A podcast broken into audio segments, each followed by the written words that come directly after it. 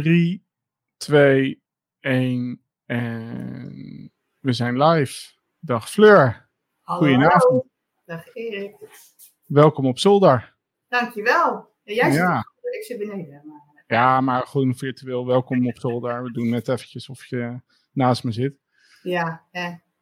Ja, heb je een goede dag gehad? Lekker in deze hitte?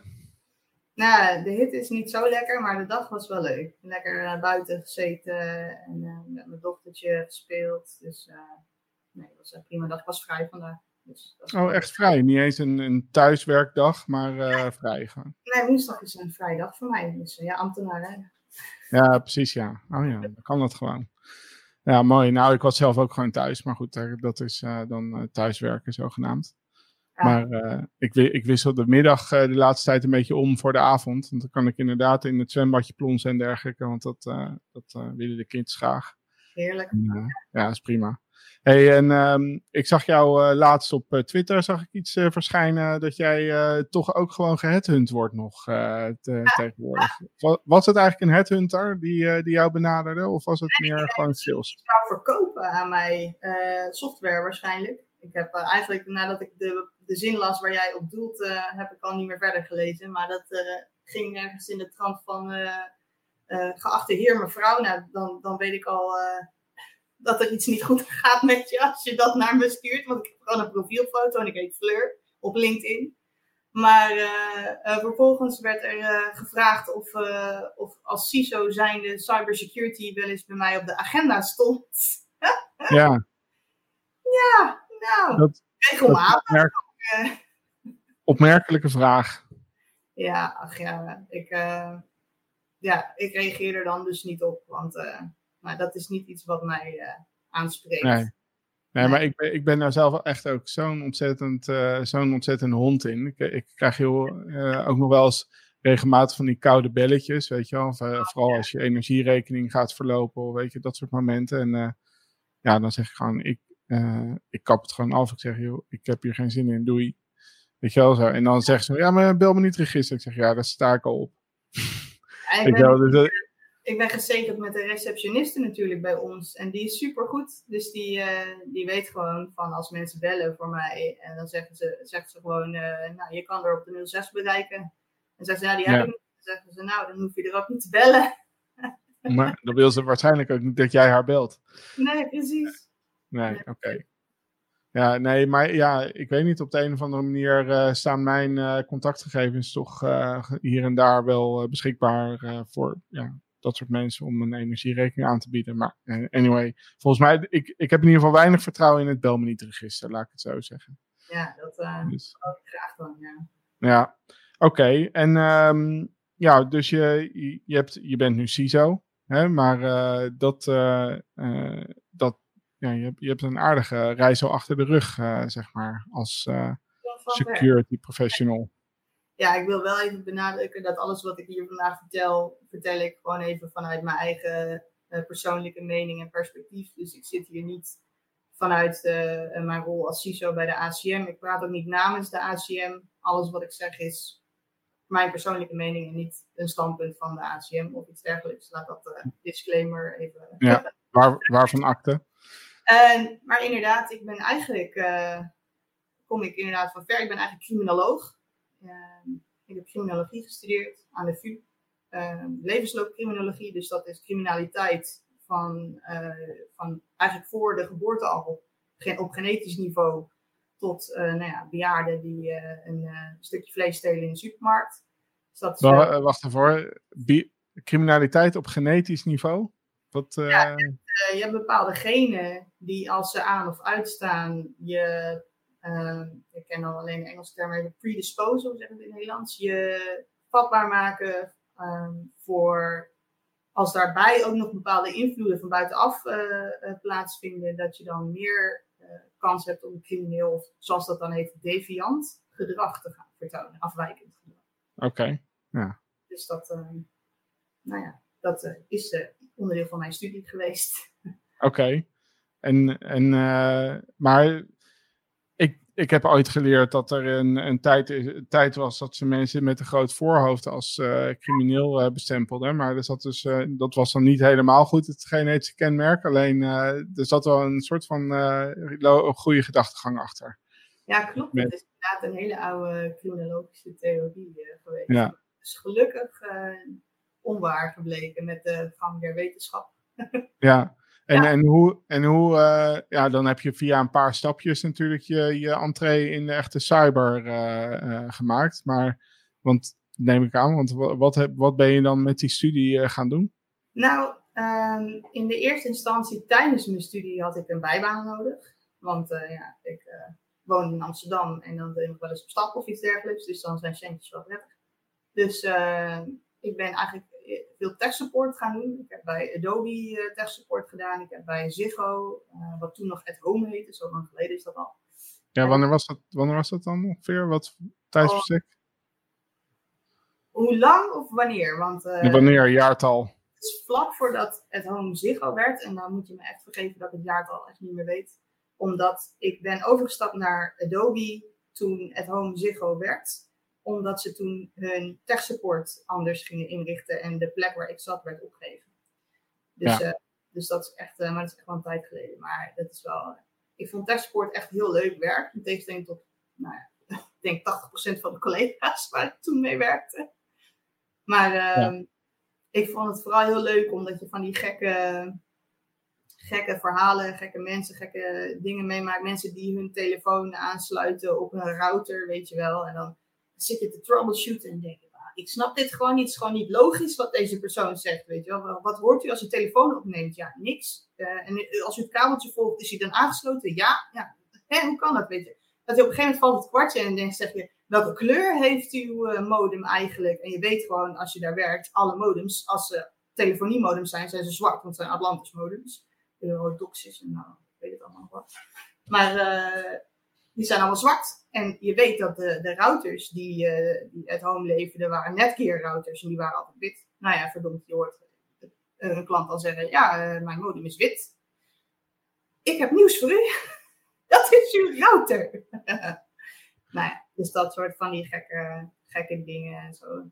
En ik heb ook nog bij TomTom Tech Support gedaan, best wel een tijd. Dat was ook wel heel erg leuk.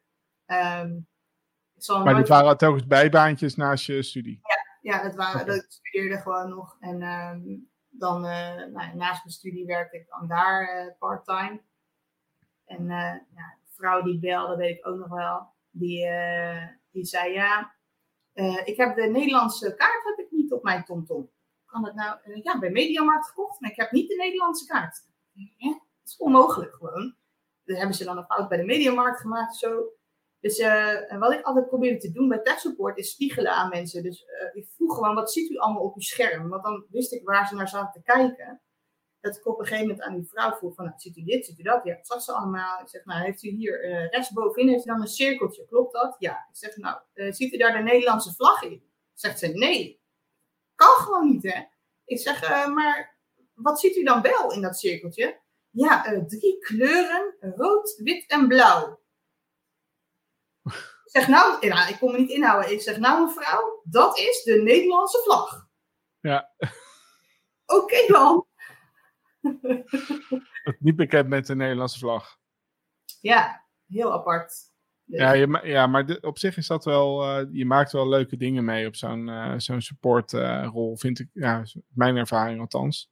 Ik heb, in mijn tijd dat ik bij, uh, bij de voorganger van, of ja, de voorloper van Deerbyte, het was een Medisoft werkte, uh, echt helemaal in het beginstadium, was ik ook eigenlijk gewoon een beetje uh, het lulletje, zeg maar, om de telefoon op te nemen bij technische problemen.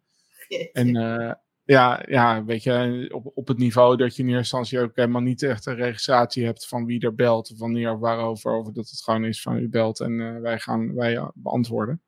Um, maar ja, dan kom je inderdaad heel vaak. Je gaat ook herkennen, weet je wel, wat, wat voor soort vragen mensen stellen. En, en gewoon de manier waarop ze het vragen of zo. Eigenlijk al dat ze helemaal op verkeerd spoor zitten. dat is trouwens wel geinig, want uh, de, daardoor heb ik dus ook gewoon enorm veel inhoudelijke kennis over dat stomme McAfee-product uh, uh, opgedaan. En dat was eigenlijk onze eerste interactie op Twitter. Die ging over, over McAfee, volgens mij. Een, laptop van werk. En die laptop, daar, die kon ik niet updaten. Omdat Defender of zo, die bleef maar zeuren over dat McAfee iets een foutmelding. Ik weet het eigenlijk niet meer in detail. En ik weet alleen nog dat ik zei, jeetje, die uh, default settings van uh, antivirusprogramma's zijn allemaal uh, vervelend. en jij reageerde daar toen op. En nou, misschien dat je wel kan helpen, geloof ik. Ja, nou, de aanleiding was, dat was het, um, volgens mij was het Swift, Swift on Security. die zei van ja, de meeste virusuitbraken uh, vinden hun oorzaak eigenlijk in de basis bij, uh, bij ja, of waren te voorkomen geweest met goed ingestelde antivirusproducten. Als je erop inzoomt. Dat zijn ervaring was. En toen had, daar op gereageerd, ja, dit herken ik. Want dat, dat was inderdaad ook in ons geval eigenlijk bijna altijd aan de orde. Weet je, als dan, nou, we waren natuurlijk een leverancier van antivirus. En uh, in principe was de bedoeling dat we dus niet gebeld werden voor virusuitbraken. En dat op het moment dat we dat wel dan was er eigenlijk in ieder geval bij de klantenovertuiging van het product wat ik heb van jullie heeft dus niet gefunctioneerd. Dus ik ging altijd eventjes in een soort van due diligence van ja, wacht eens eventjes. Lag het aan de software of lag het aan het adequaat beheer van de software? En ja, dan kwam ik... Ja. Gisteren ja. denk ik dat is echt de meeste dodelijke ja sport. Dat kan het niet zijn, want gisteren deed hij het nog. Ja, of, uh, of, of de, de opmerking van uh, ik ben toch niet de enige met deze configuratie. Er zullen toch andere mensen ook wel eens dit probleem hebben gehad. ja. Dat, oh, daar werd ik zo giftig van altijd. Dus als u links onder in uw scherm kijkt, ja, ziet u daar dan het, win, of het start, de startknop. Toen was het startknop een hele tijd geleden, hè? Ja. En dan zijn mensen, heb ik niet. Nee, heb ik niet. Zeg maar, even hebt Windows? Ja, ja. Dan heeft het toch linksonder in de startknop? Nee, heb ik niet. dat, nou, zeg maar gewoon, de, nee, ik zie het niet. Maar zeg dan niet, heb ik niet. Weet je wel? Nee, heb ik niet. te zeggen. Bij mij is die linksboven. dat, dat, je had natuurlijk creatievelingen die de startbalk eh, uh, versleepten naar, eh, naar, naar verticaal. Maar dat was Fiesta, toch? Dat komt volgens mij of of 98-achtige tijden al. Nou, dat weet ik niet. Ik weet in ieder geval dat op XP al kon. Ja, op XP zat En in Vista was het standaard. En dan moest je ook echt hover ja. rechts, want dan kwam die pas eh, in je beeld staan. Maar wat ik dan deed bij klanten was, als ik, als, als ik dat heb ik niet kreeg, dan zei ik, uh, meestal hebben ze op het toetsenbord natuurlijk wel dat, eh, die toets van, van Windows. Dus zei ik, als u links onderin kijkt tussen de control en de alt knop zit daar een knop met een vlaggetje. Ja, drukt u daar even op. Nou, dan was ik ja. Hey, maar, maar had je nou al affiniteit met de IT voordat je dat koos als bijbaantjes? Ja, zeker. Ik, uh, mijn ouders die hadden mij als kind al een eigen computer op mijn kamer gegeven met internetverbinding, omdat ze al zagen dat ik daar gewoon heel veel gevoel voor had. Dus ik bouwde websites, ik modde spelletjes die ik speelde, ik maakte, uh, edite video's. Uh, dus dat was allemaal als kind nog toen ik bij mijn ouders woonde, dat ik daar al mee bezig was. Um, dus dat is eigenlijk gewoon zo doorgegaan. En ik heb uh, criminologie gekozen omdat ik, ja, ik vond heel veel dingen interessant als kind. Journalistiek vond ik interessant. Uh, ik vond uh, nou, misdaad interessant. Ik vond psychologie interessant. En, en, rechten ook. Dus uiteindelijk heb ik daarom criminologie gekozen, omdat het een soort combi was van verschillende dingen die ik boeiend vond. Um, en tegelijkertijd als hobby. Ik zag computers eigenlijk meer als hobby. Ik nooit over nagedacht om daar iets mee, uh, mee te gaan doen in werk. Maar uiteindelijk wel uh, alsnog daarin gerold. Ja. Ja, dat...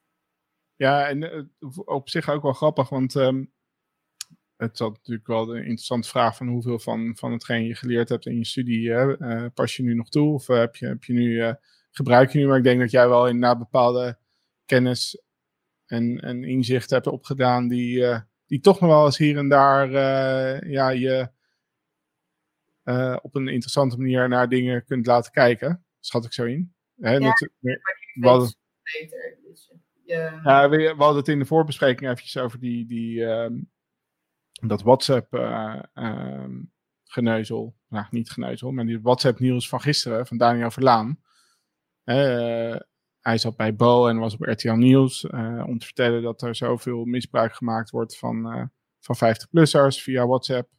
dat ze misleid worden alsof ze benaderd worden door een kind of iets ergens die dan geld nodig heeft. En, en ja, terwijl het ook over inderdaad de verschuiving van, van criminaliteit van, van traditionele vormen zoals fietsen stelen en straatroven of weet ik veel, tasjesdieven, hoe je het ook noemt, uh, ja. naar online.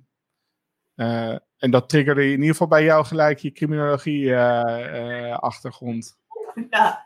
ja, want ik zei, het is ook wel zo dat um, het is heel afhankelijk. Als je zegt van de criminaliteit daalt, dat is überhaupt een uitspraak waar heel weinig informatie in zit. Want de wat is de criminaliteit? Uh, de fietsen stelen, wat je zegt, is crimineel gedrag, maar dat is moord ook.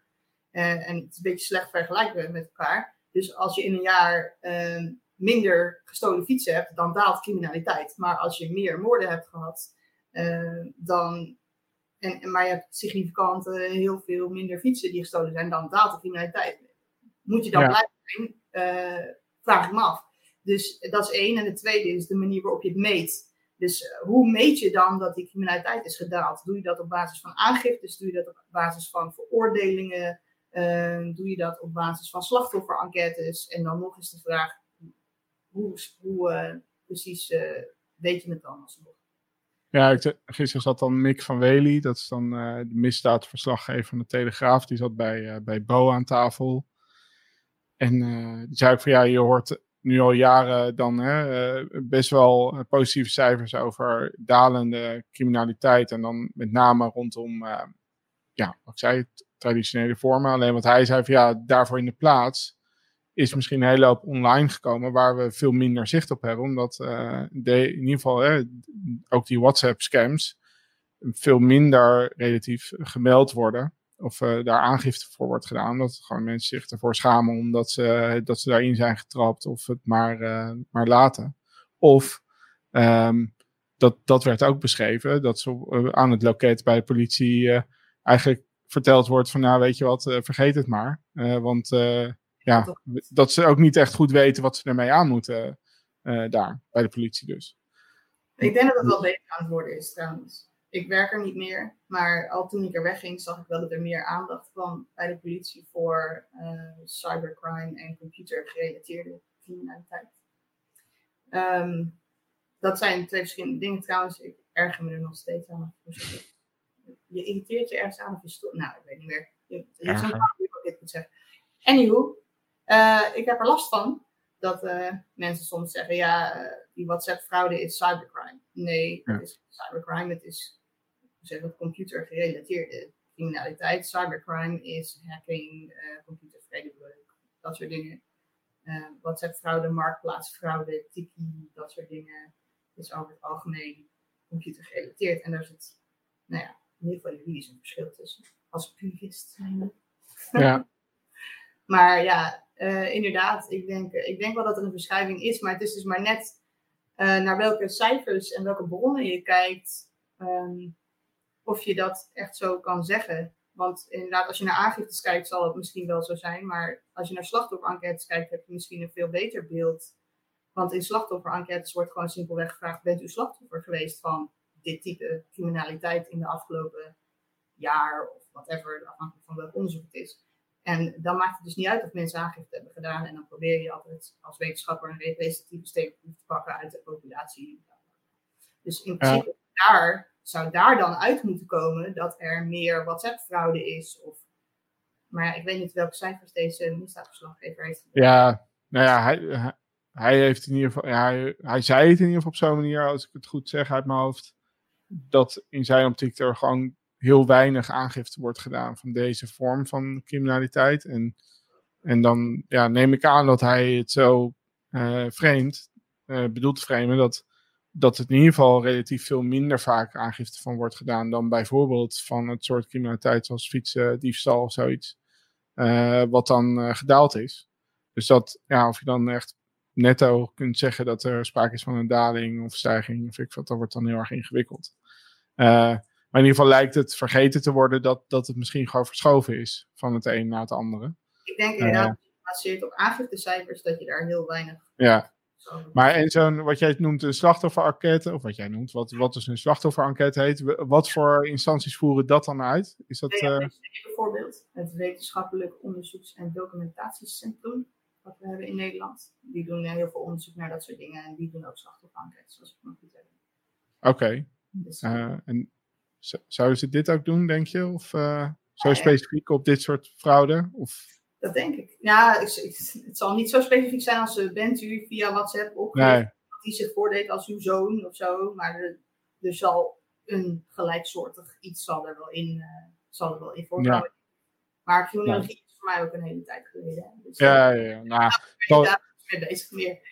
Ja, nou goed. Na, na gisteren zullen ze mogelijk het op de, op de to-do-list hebben gezet. Dus uh, dat, uh, nou, misschien krijgen we er wat cijfers van na dit jaar. Oké, en um, dus uh, ja, je had dus die, je had al je computerachtergrond. Je was een beetje, je was aan het gamen en aan het websites bouwen en dergelijke. En toen werd je ook nog helpdesk medewerker. Dus dan ging je ook van alles begrijpen van hoe dingen niet werken, althans. Ja, kabel onder de, in Linux.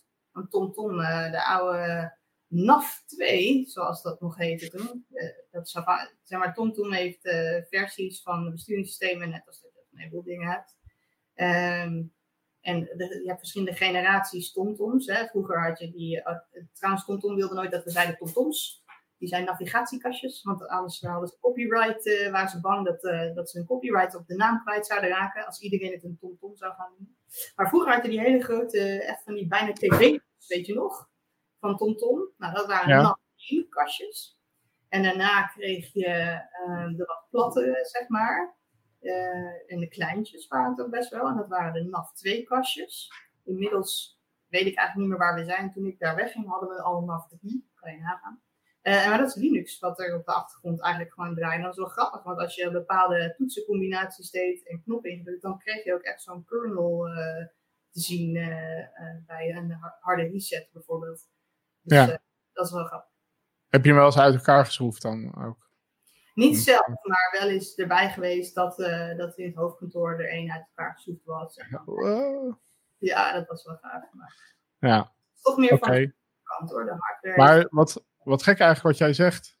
Uh, dat ze dat niet wilden dat het een TomTom werd genoemd. Want ik dacht juist dat dat het soort van hoog haalbare voor een merk was, zoals Luxeflex omdat je dat... dat als iedereen het een TomTom zou gaan noemen, dan zou het vanaf dan een TomTom zijn. En dan zouden dus ook Garmin en andere merken, die zouden uh, de, ja. dat als, als naam mogen gebruiken. En dan raken ze hun copyright uh, kwijt. Dat was een beetje probleem. Ja. Oké. Okay. Het werd gedeeld in de, zoals het heet, de onboarding, de eerste twee weken. Dus dat blijft dan een beetje ja. En terwijl ze zich daar druk over maakten, vond uh, ondertussen Apple de iPhone uit. En uh, er werden ze op het andere weer ingehaald langzamerhand. Ja. ja. Oké. Okay. Oké, en um, maar goed, dus dat, dat, dat waren de bijbaantjes. We hebben nog meer inderdaad kennis opgedaan. En toen, en toen was je ineens klaar met je studie en toen ben je bij de politie terechtgekomen, toch? Denk ja, ik zag, uh, ik zag een vacature staan voor internetregisseur. En ik denk, wauw, dat is echt perfect. Dat is en mijn studie en mijn hobby in één gewoon. Dat is en computers en tech en criminaliteit. En het was ook nog een keer in Amsterdam. Dus, uh, dus ja, ik heb daar ook gesolliciteerd. En uh, nou, ik, ben, ik was een van de vier toen in Amsterdam die uh, nieuw waren. Er was ook niemand voor ons op dat moment al bezig in de, in, in, op het hoofdbureau. Wel op andere plekken in Amsterdam, maar niet op het hoofdbureau. Dus, uh, dus dat was echt heel gaaf. We hebben daar echt hele mooie dingen kunnen ja. doen. Maar dit is ook nog ze zeker voor de Team High-Tech Crime uh, uh, oprichting. Ja, ze bestond al. Team High-Tech Crime bestond al. Oh. alleen internetregisseurs deden ander werk. Je had, je hebt binnen de, ik weet niet of het nu nog zo is bij de politie, maar toen ik daar werkte had je verschillende digitale rollen. Je had digitaal regisseurs. Dat waren de regisseurs die echt meer naar de hardware keken. Dus die lazen telefoons uit. En die uh, deden onderzoek op computers. Echt meer de forensische kant. Je had uh, Team High Tech Crime die meer keek naar de hacking en dark web en dat soort zaken. Maar dan dark web echt op, op hoog niveau. Dus Silk Road, dat soort dingen. Niet op individuele verkopers of zo. Ehm, en dan had je internetregisseurs, en die, dat was ik dan. En ik deed meer dingen als OSINT. Uh, en eigenlijk op allerlei vlakken. Dus helpen bij uh, voetbalwedstrijden om te kijken of er op internet dingen stonden die zouden kunnen wijzen op dat er rellen zouden kunnen ontstaan. Uh, en tegelijkertijd hielp ik mee met onderzoeken naar fraude, want ik zat bij het Bureau Financieel-Economische Recherche. Um, dus, fraude in de, gewoon op alle terreinen? Of? Maar hele, echt grote. Dus witwassen van nou, echt tonnen aan, aan geld en um, wietplantages, dat soort dingen. En dan deed ik ook nog SWACRI, zoals dat heet. Alles bij de politie is afkortingen trouwens. Dus het bureau zware criminaliteit. Ja, het bureau financieel economisch heette de BEVER. Ja, ja, B-F-E-R. Mooi. Ja, leuk hè? Maar SWACRI, dat, was, uh, dat, waren, dat was in de tijd van de mokromafia toen al. Um, en daar hielp ik dus ook mee. Dus toen, uh, en dat was echt kijken van wat kan, gewoon, het was heel vrij. Dus hier heb je een, een een, een TGO heet dat, team grootschalige opsporing. Dat kreeg je bij liquidaties. Um, ga maar kijken hoe je ze kan helpen met alle kennis en kunde die jij hebt, wel binnen de wet. Daar hebben we ook goed op getraind. We hebben echt wel opleidingen gehad om te zorgen dat we snapten wat wel en niet oké was. Ja. Uh, en we hebben ook echt wel uh, ondersteuning gehad in veilig OSINT, uh, veilig omgaan met data, dat soort dingen. We gingen echt niet zomaar dingen mailen via Gmail of dat soort dingen. Daar werd echt heel sterk opgestuurd. Maar uh, dingen, dingen die ik bij Zwaak deed was, als, ik, als ik zag, op een gegeven moment hadden we een zaak en daar was een liquidatie gefilmd met een bewakingscamera van iemands huis, van het slachtoffershuis zelf. En er waren redenen om te denken dat iemand anders die ook in dat huis woonde, mogelijk met die moord te maken had. Dus toen heb ik gezegd, nou weet je, er staat een server in dat huis, gekoppeld aan die IP-camera. En die IP-camera was op internet aangesloten uit de IP-camera. Um, dus toen eh, ben ik gaan kijken in de logfiles van die server van is er geprobeerd rond de periode van de liquidatie om in te loggen op deze server om uh, nou, haar, uh, wat was een dame, in de gaten te houden om te zien of ze thuis was om die uh, moordenaars te sturen, zeg maar. En daar kwamen inderdaad rond die periode een paar IP-adressen naar voren die ik niet thuis kon brengen. Uh, dus toen ben ik daar verder op gaan zoeken. En na heel veel eh, zoeken kwamen we erachter dat, dat, dat die IP-adressen afkomstig waren. Het waren rare tijden namelijk. Het was drie uur s'nachts of zo dat er werd ingelogd op die IP-camera. Ik denk, nou, dat, dat is wel heel opvallend. Vanaf een bepaald adres in Amsterdam. En toen kwamen we er uiteindelijk dus achter dat dat een update server was, die blijkbaar op dat moment uh, aan het rebooten was. En dan zoekt hij even, pinkt hij even met die camera om te zien of die er nog is.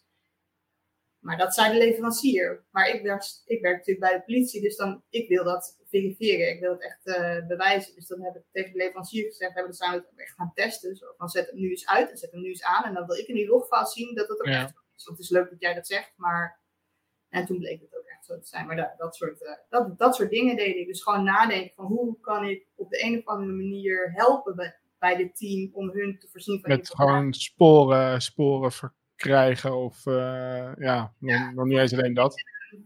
Gebruikte natuurlijk wegwerptelefoons uh, met, met prepaid simkaarten. En dan was het soms heel moeilijk voor regisseurs om te weten wie nou wie was aan de telefoon. Er werd heel veel nog oldschool getapt in mijn tijd. In mijn tijd. Dus, dus wat ik dan deed was, ik had een emulator van Android op mijn laptop. En uh, een simkaart die ik, die ik, daar hadden we een speciale telefoon voor, die was gewiped. En dan die simkaart deed er alleen maar in om WhatsApp op je emulator te krijgen. En daarna haal je de simkaart eruit. Dus als je ooit ooit wat zou doen en iemand belt naar dat nummer, dan is dat nummer nooit in een telefoon.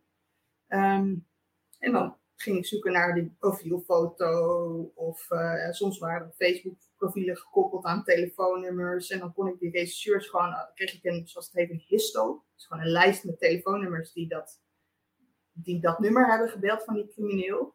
En dan ging ik gewoon die hele histo uitluizen voor, die, voor dat rechercheteam. Nou, dit is waarschijnlijk Pietje en dat is Klaasje. En uh, nou, zo konden die rechercheurs, als ze aan het luisteren waren, weten... oh, nu belt uh, deze persoon. Ondanks dat het allemaal prepaid nummers waren. Ja. Dat waren ook allemaal dingen die ik, uh, die ik deed. Ja, maar ja, het, het, ik, ik kan me voorstellen dat het nog ook wel af en toe een beetje zoeken was van... oké, wat, wat, hoe kan ik bijdragen? En inderdaad ook vooral van ja, wat zijn eigenlijk de, de, de grenzen waarbinnen ik uh, moet of kan opereren? Of, of, of wat had je nou nooit, uh, was dat nooit moeilijk eigenlijk? Was altijd wel duidelijk wat je kon of mocht?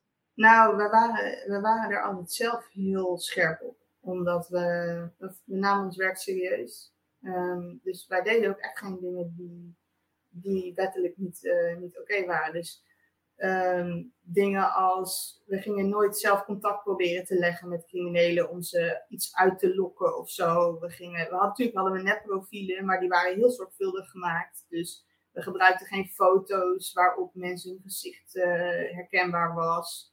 Um, omdat we, dat identiteitsdiefstal natuurlijk.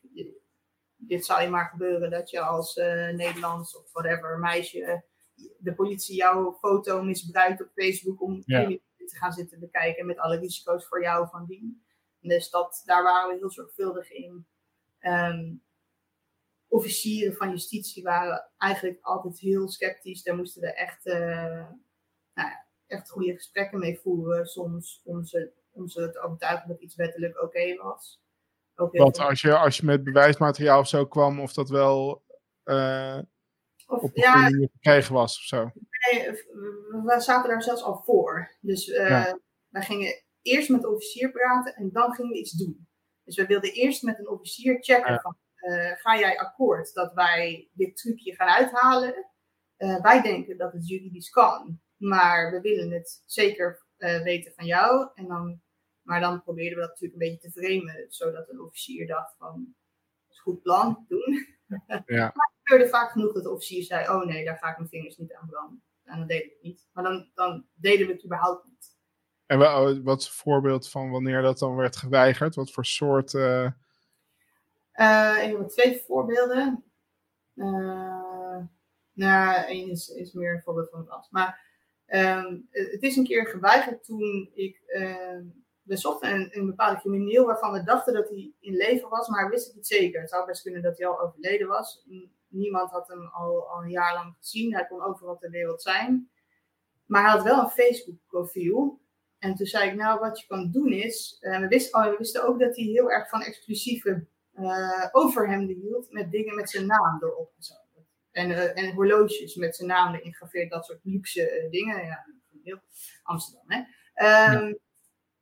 Dus, dus wat ik toen had bedacht was, je kan op Facebook, kan je, nu, ik weet niet of het nu nog kan, maar toen kon het wel, kan je heel specifiek één iemand advertenties laten zien, zonder dat hij dat zelf weet.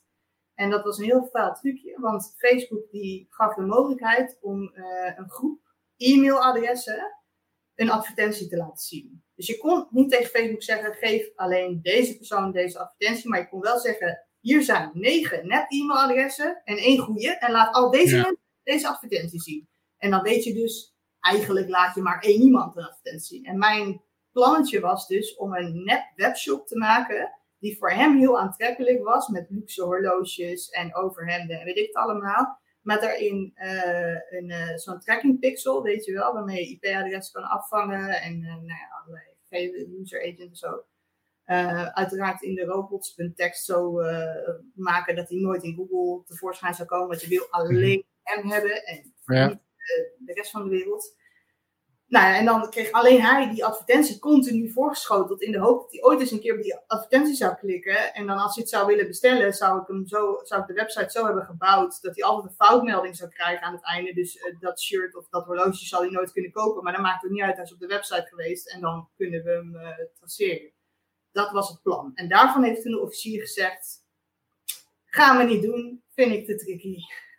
Het, ja, wat is dan de grond? Ja, ik, ik vind het wel een vet idee eigenlijk. Het lijkt, lijkt, me, wel, het lijkt me wel leuk om uit te voeren, inderdaad. Mijn plannetje, maar helaas, die officier die zei: nee, ik, vind dat, uh, ik kan het niet verkopen in de rechtszaal. te, te ja, riekt misschien naar uitlokking of iets dergelijks. Nou, dat niet eens. Maar nee, je uitlokt niet echt iets uit.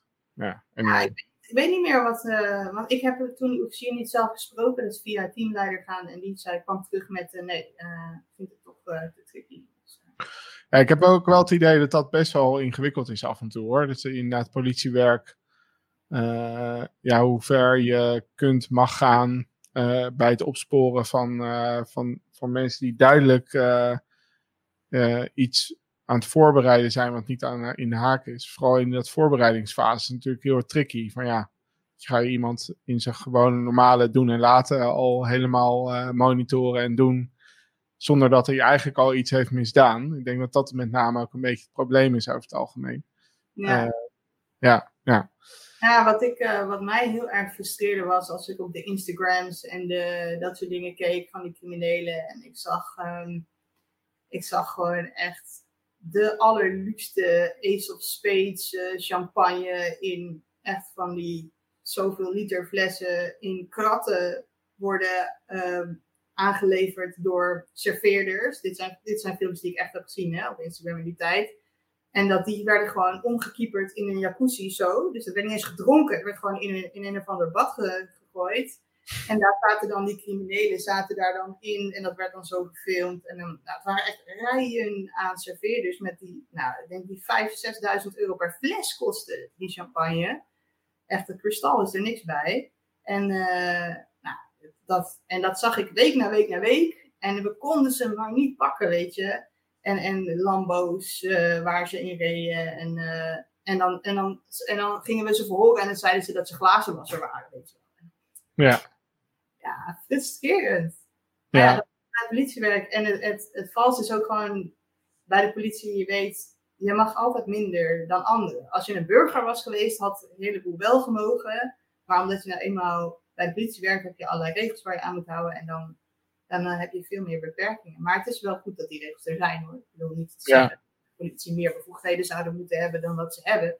Maar um, vooral in die tijd hadden we ook nog niet de bevoegdheden voor uh, uh, het doorzoeken van servers, bijvoorbeeld, die we nu wel hebben. En dat was ook heel frustrerend.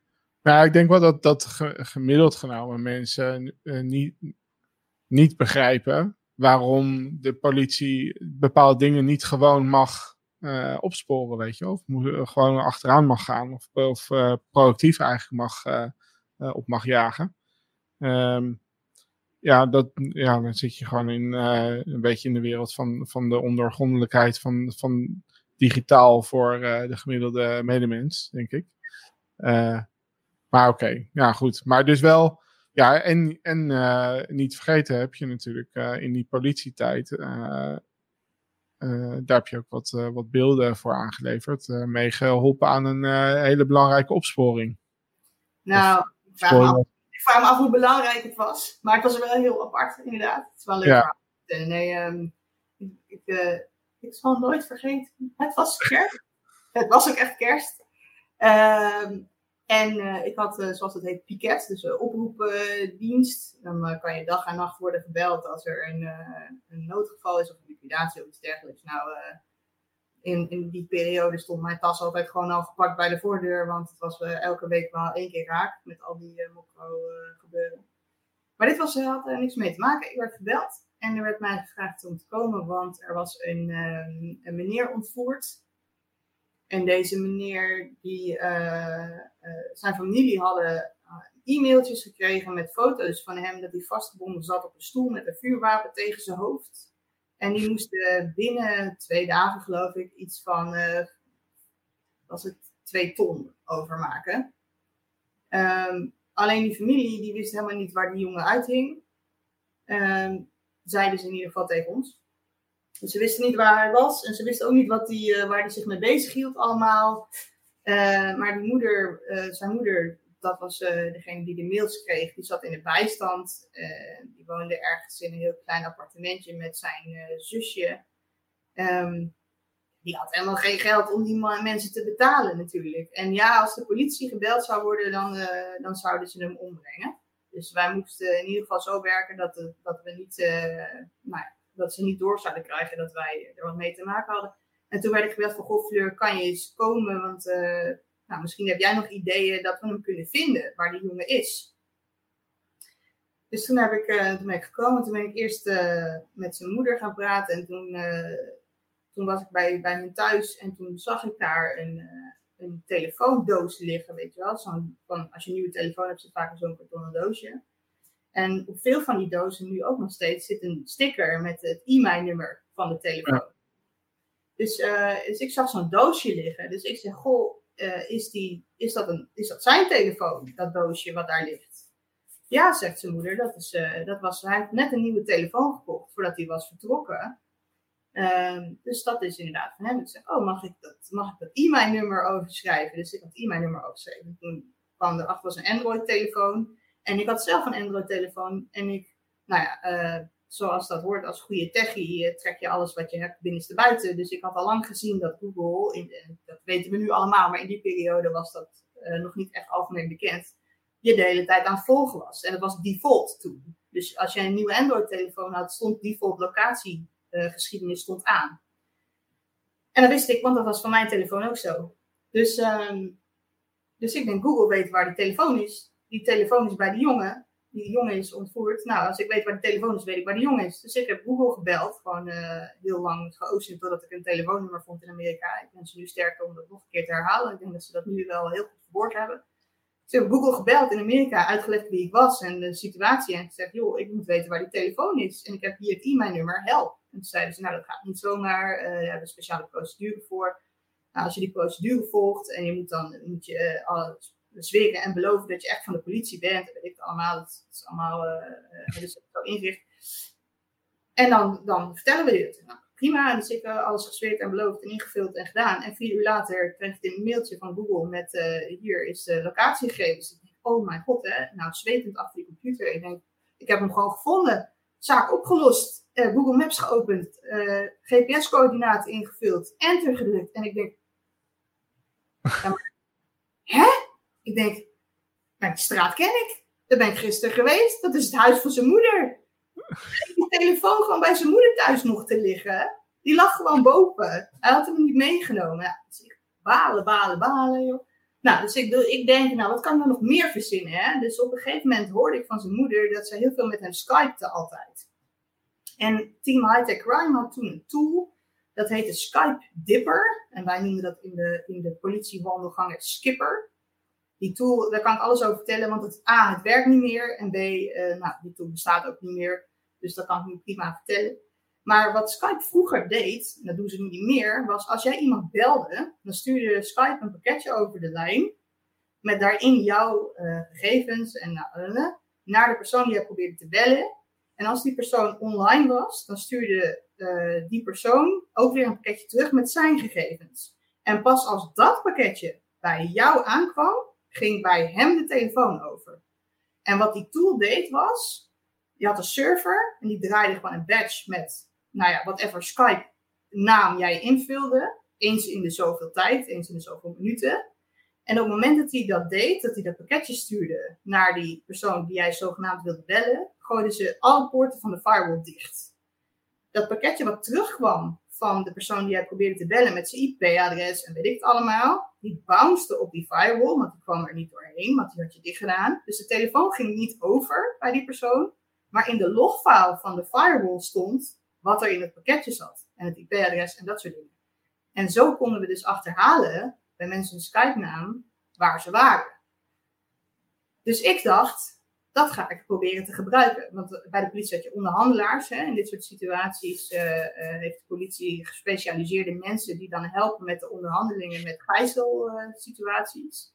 dus ik heb tegen die onderhandelaars gezegd: zorg dat die familie aan die, uh, aan die ontvoerders duidelijk maakt. Ja, foto's hartstikke leuk, maar die foto's zouden wel een week oud kunnen zijn. Misschien is hij al lang dood. We gaan het pas betalen als we hem hebben kunnen zien, als we live met hem hebben kunnen praten. Dan weten we zeker dat hij nog leeft.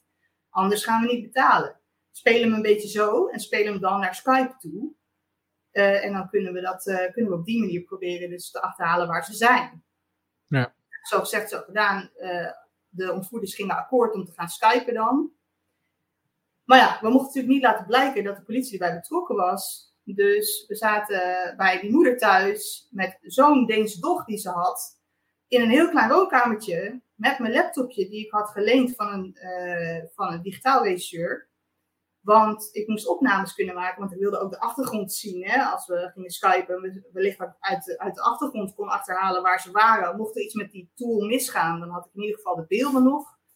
Um, nou, dus ik was helemaal voorbereid en uh, ondertussen waren er nog steeds onderhandelingen bezig tussen die ontvoerders en, en die familie. Maar dat was in de keuken en daar zat ik uh, nou, twee meter vandaan met mijn laptopje en ik zat wat dingen te testen. Het zal je maar gebeuren dat je eigen Skype niet werkt op dat moment natuurlijk. Dus ik zat wat dingen op te nemen alvast. En op een gegeven moment krijg ik een foutmelding. Uh, C-schijf bijna vol. Dus ik oh, dat is wel rottig. Dus ik wil ergens op klikken en klik ergens mis. En hij begint ineens af te spelen. Wat ik in de laatste paar minuten had opgenomen. En dat was dus twee meter van die familie vandaan die aan het bellen was met die ontvoerders. En het geluid van die laptop stond keihard. En ik kende die laptop niet. Dus ik wist ook niet hoe snel waar ik op moest klikken om hem te stoppen of zo. Dus ik ben gewoon op die laptop gedoken. Ik heb hem dichtgeklapt. Ik heb alles, alle kabels losgetrokken en ik ben naar de gang gerend met die laptop.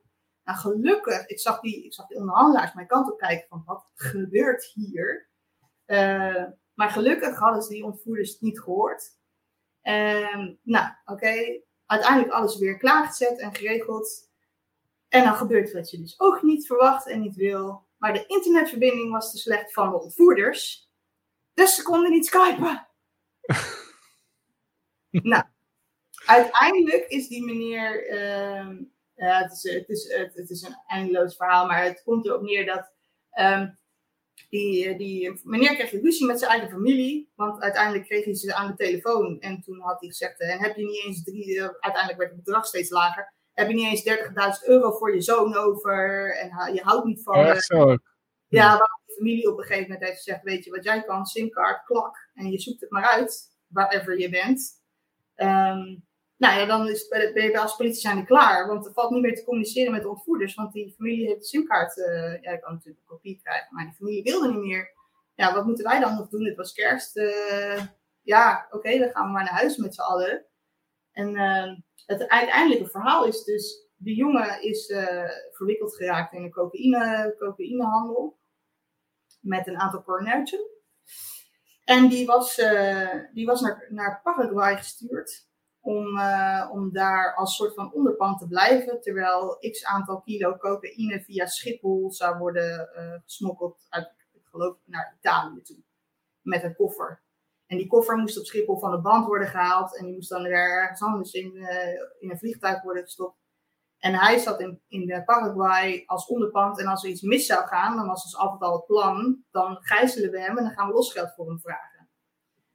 Nou, uh, zo gezegd, zo gedaan. Die koffer die komt uh, niet aan op Schiphol of wordt niet van de band gehaald of whatever. Dus die jongen die werd gegijzeld.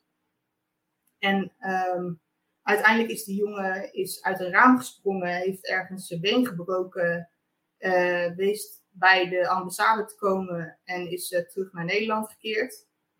En um, uh, toen die koffer, die bleek wel degelijk op Schiphol te zijn aangekomen. Maar degene die hem moest ophalen, heeft hem gewoon niet van de band gehaald. Dus die koffer is gewoon weer terug naar Paraguay gestuurd. We wisten die koffer op te traceren.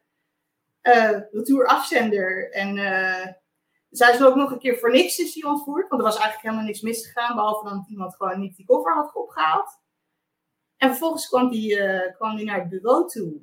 Omdat hij had gehoord hoeveel tijd en energie we hadden gestoken om hem te vinden. En toen zei hij, ja jongens, uh, hier ben ik. Dank jullie wel. Maar uh, helemaal gezond. Dus... Bedankt hè. Zeiden we, ja, dat is fijn om te horen meneer dat u alleen even omdraait met uw handen op de rug, want u wordt aangehouden voor cocaïnehandel. Jezus. Ja, dat was wel een apart verhaal. Ze hadden wel, uh, ze hadden niet de slimste uitgekozen uh, als onderpand. Ja, ze achter moesten laten in Paraguay. Ja. ja, je had, je had natuurlijk wat beelden ervan uh, ook gedeeld. Het niet Even kijken. Oh, dat is deze, onder andere zijn er een paar bij elkaar. Ja, dat is helemaal in het nieuws geweest. Maar weet jij hoe ze uiteindelijk. Is het dan het feit dat hij uit, die, um, uh, uit dat raam is gesprongen? Heeft dat er uiteindelijk dus ertoe geleid dat ze de boel hebben opgerold? Of weet je dat? Of... Ja, de politie in Paraguay heeft uiteindelijk uh, die, uh, die verdachte aangehouden. Wij, weten zelf, we wisten zelf in Nederland eigenlijk niet op basis waarvan ze dat nou hadden gedaan. En uh, want sowieso de, de, de samenwerking met Paraguay toen weet ik nog was heel moeizaam. We hadden daar wel een liaison, maar ja, die kon ook niet de juiste mensen bereiken. Um, dus die samenwerking was heel moeizaam, maar blijkbaar hadden ze hem dus wel gevonden. En in de media is er toen een beetje een ander verhaal verteld. Dat hij een date had gehad op Facebook of zo. Maar ja. Zo zeggen okay. wij wisten wat er echt aan de hand was. Ja, ja. Dit is trouwens uh, een mooie slide deck van jou. Er zitten ook die sterretjes in. Hè? Alleen die, die komen niet helemaal tot hun recht hier. Maar ze staan toch linksbovenin een klein beetje... Het is een gifje inderdaad. En er zit eigenlijk een uitspraak achter. Dit komt uit een OSINT training die ik op tijd heb gegeven. Het is prachtig. Dit, uh, hier komt ook je creatieve zelf ook nog uh, komt hier, uh, naar voren. Ik vind PowerPoints maken heel leuk. Ik weet niet waarom. Het is een beetje van mijn webdesign tijd nog, denk ik. Of zo. ik vind het heel leuk om van die templates te maken voor PowerPoint. Ik heb een hekel ja. aan de type huisstijl van wherever ik ooit heb gewerkt. Dus oh ja, dat mag niet, hè? Mag niet. Nee, als het officieel is, dan wijk ik er ook niet vanaf. Maar als het intern is, dan heb je een grote kans als je van mij iets van een webinar krijgt of zo, dat het niet de huisstijl is. Dat ik er iets leuks van maak. En doe je ook inderdaad overal gifjes, uh, dan liefst met heel veel gifjes? Nee, het hangt af van waar het voor het publiek. Ik probeer het met humor te doen als het voor, voor uh, collega's is. Want dat, dat maakt het wat leuker en interessanter. En dan zitten er wel eens gifjes in. Maar als het echt voor, voor directeuren is of voor bestuur of zo, dan uh, hou ik het wel wat minder bewegelijk. Gewoon een JPEGje. ja, ja, ik weet dat Rick die loopt af en toe vast en is hij gewoon twee uur bezig om het, om het perfecte gifje te vinden bij zijn emotie.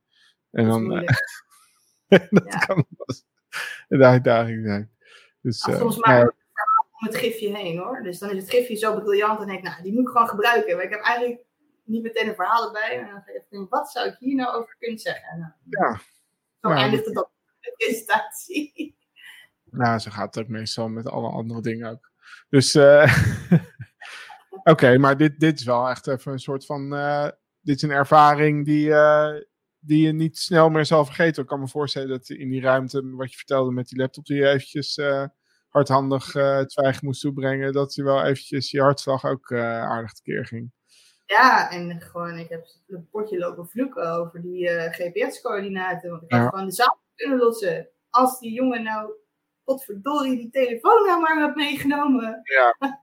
maar ja, pech. Ik heb heel veel pech gehad daar. Ja, ja oké. Okay. Hey, en uh, dus dit, dit was, nou, een van de, van de ja, ik denk heftigere onderzoeken waar je bij betrokken bent geweest. Maar je hebt ook wel verteld dat je hebt ook wel eens te maken gehad met meer, ja, hè, nou, de wettelijke grenzen hadden we net al eventjes over, maar ook dat er meer ethische grenzen waren als je gevraagd werd om ergens aan uh, bij te dragen. Hè? buiten de politie. Dus toen werkte ik al niet meer bij de politie, maar omdat ik nog wel trainingen heb gegeven, um, en, en nou ja, wel eens sprak over OSINT, werd ook wel eens benaderd. Dus op een gegeven moment werd ik door een team van Peter R. de Vries benaderd om te kijken naar uh, de zaak van Dacia. Dacia Graafsma. Uh, misschien dat jullie die nog wel kennen. Dacia is een meisje die uit was geweest in uh, Hilversum, als ik me niet vergis. En zij is, uh, nou, zij is verongelukt met een trein, laat ik het zo zeggen. Um, en de vraag daar was, is zij zelf voor die trein gaan staan? Of is zij beïnvloed door iemand om voor de trein te gaan staan? Of is ze geduwd? Nou, dus daar was onduidelijkheid over. En Peter R. de Vries heeft zich daar een tijd uh, in verdiept. En die heeft toen aan mij gevraagd: wil jij kijken op haar laptop of je uh, bewijs kan vinden dat, er, dat ze ruzie heeft gehad die avond? Um, en zei ik, in dit geval, uh, laat ik eerst vooropstellen, dit is een van de twee voorbeelden die ik meestal gebruik om de ethische kanten te belichten van, van uh. Dus ik heb toen na zitten denken, zeg, ik denk bij mezelf, oké, kan dit ethisch gezien, hè? zij is overleden.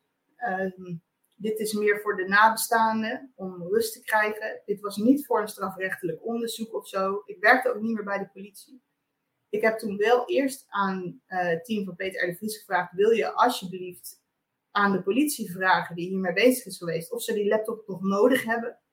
Hebben ze die laptop, hebben ze daar een image van, forensisch, alles, alles oké? Eh, gaan ze, ze hebben ze ook maar enige indicatie dat ze ook nog wat gaan doen met die laptop?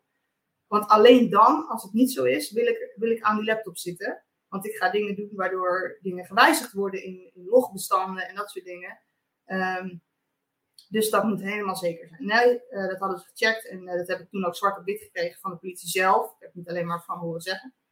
Dat ze die laptop echt niet meer nodig hadden. Toen heb ik gezegd, oké. Toen ben ik gaan nadenken, oké, uh, ik wil graag in de messenger kijken van Facebook. Dat werd toen nog veel gebruikt. Tegenwoordig uh, jongeren gebruiken nooit meer Facebook. Maar, ehm, maar die familie had haar wachtwoord niet. Maar ze hadden wel een kopie simkaart van haar. Een, een, een tweede simkaart.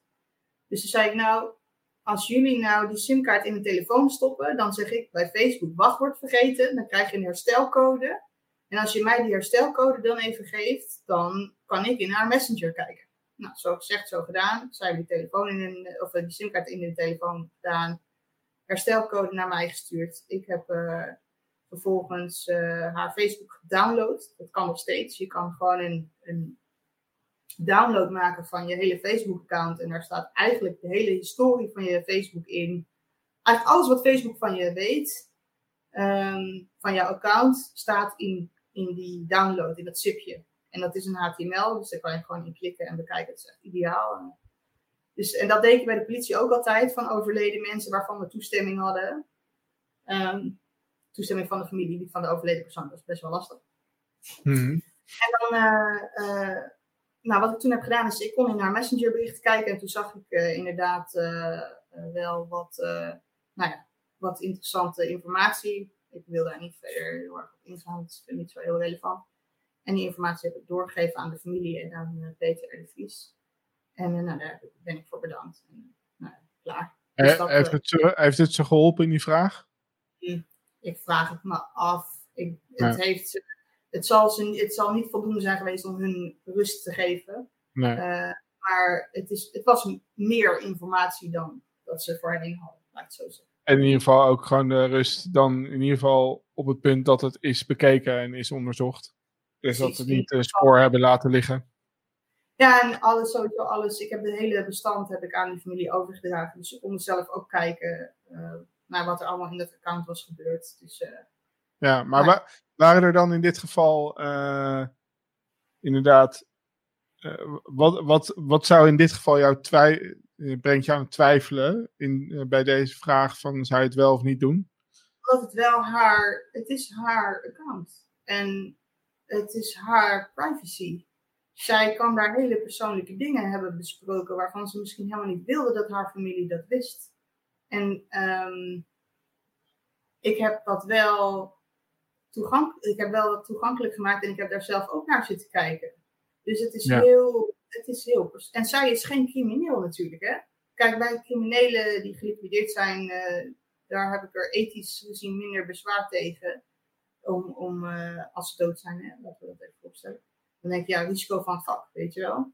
Maar ja. zij, zij was geen crimineel. Um, en misschien hadden de geheimen die zij had, had ze die wel mee willen nemen in, uh, in haar graf.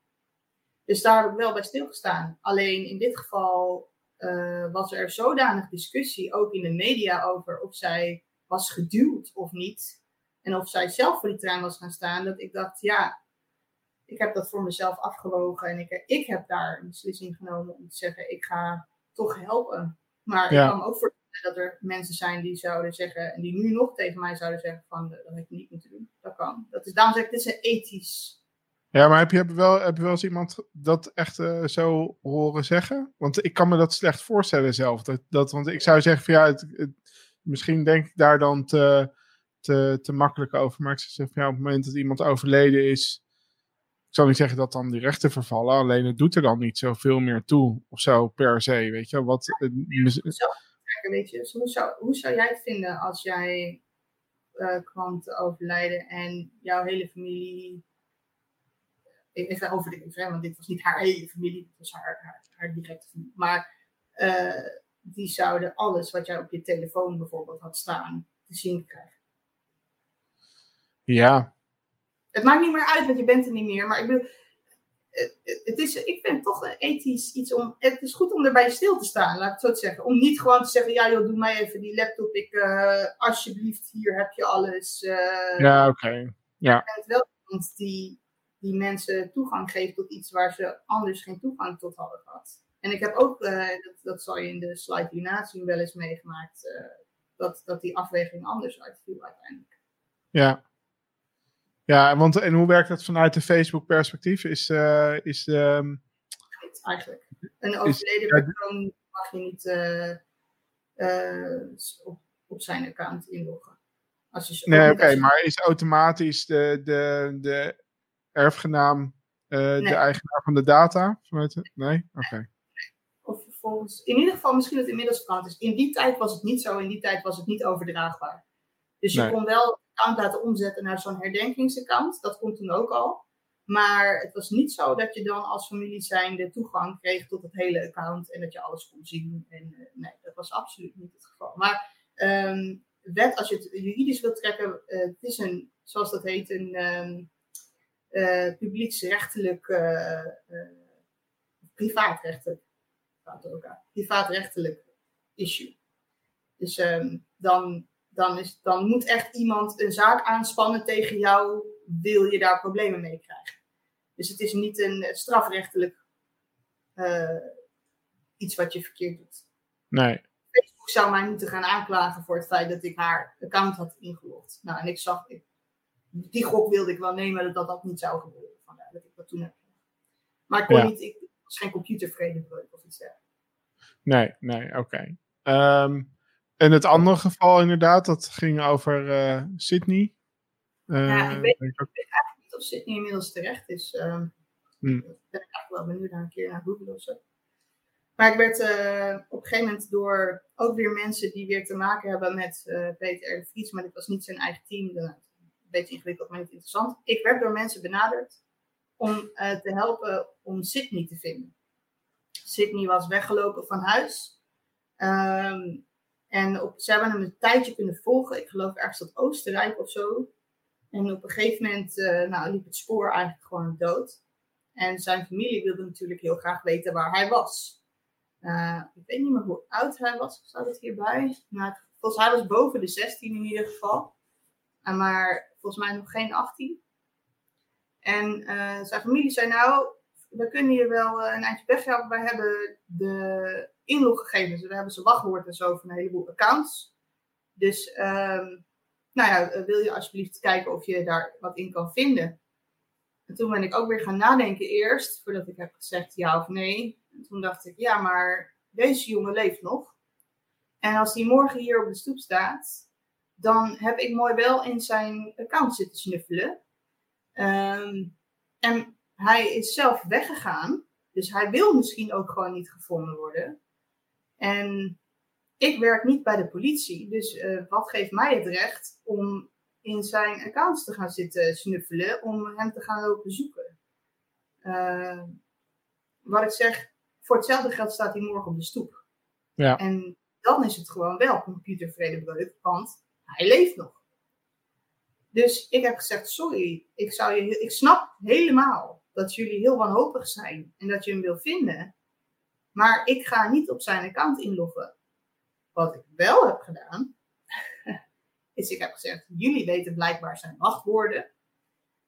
Als een persoon die in zou loggen, theoretisch gezien, op zijn Gmail-account, zou klikken op uh, laatst ingelogd. Uh, nou, ik weet niet meer welke instellingen. Ik heb ze gewoon uitgelegd waar je kan zien vanaf welke IP-adressen er voor het laatst is ingelogd. En wanneer en waar in de wereld dat dan was. En uh, hoe je locatiegeschiedenis kon bekijken. En dat. Maar op, op die manier. Dus stel dat een persoon geïnteresseerd was, weet je wel, zo. Ja eventueel zelf konden kijken. En in dat geval denk ik dan, ja, weet je, dan is het op hun konto om dat te doen. Dus als hij dan morgen op de staat, dan zijn het zijn eigen ouders die dat hebben gedaan. En niet een of andere troela die, uh, die toevallig uh, kan oostinten, weet je. Nee. Dus ik zeg daar, sorry, ik ga niet helpen. Maar niet op, ik ga niet zelf inloggen te kijken. En ik ben er ook niet bij geweest toen zij gingen inloggen. Ik heb het alleen aan de telefoon dus een beetje uitgelegd. Wat zou ik kunnen doen, in theorie. Ja. Hoe, hoe heet nou ook die Netflix-serie over OSINT? Uh, Don't Fuck With Cats, toch? Of zo? Ja. Ik moet daar ineens aan denken ook, een beetje. Ja, dat je af en toe dit soort... Uh, ja. Criminologisch gezien ook heel cool. Dus, ja.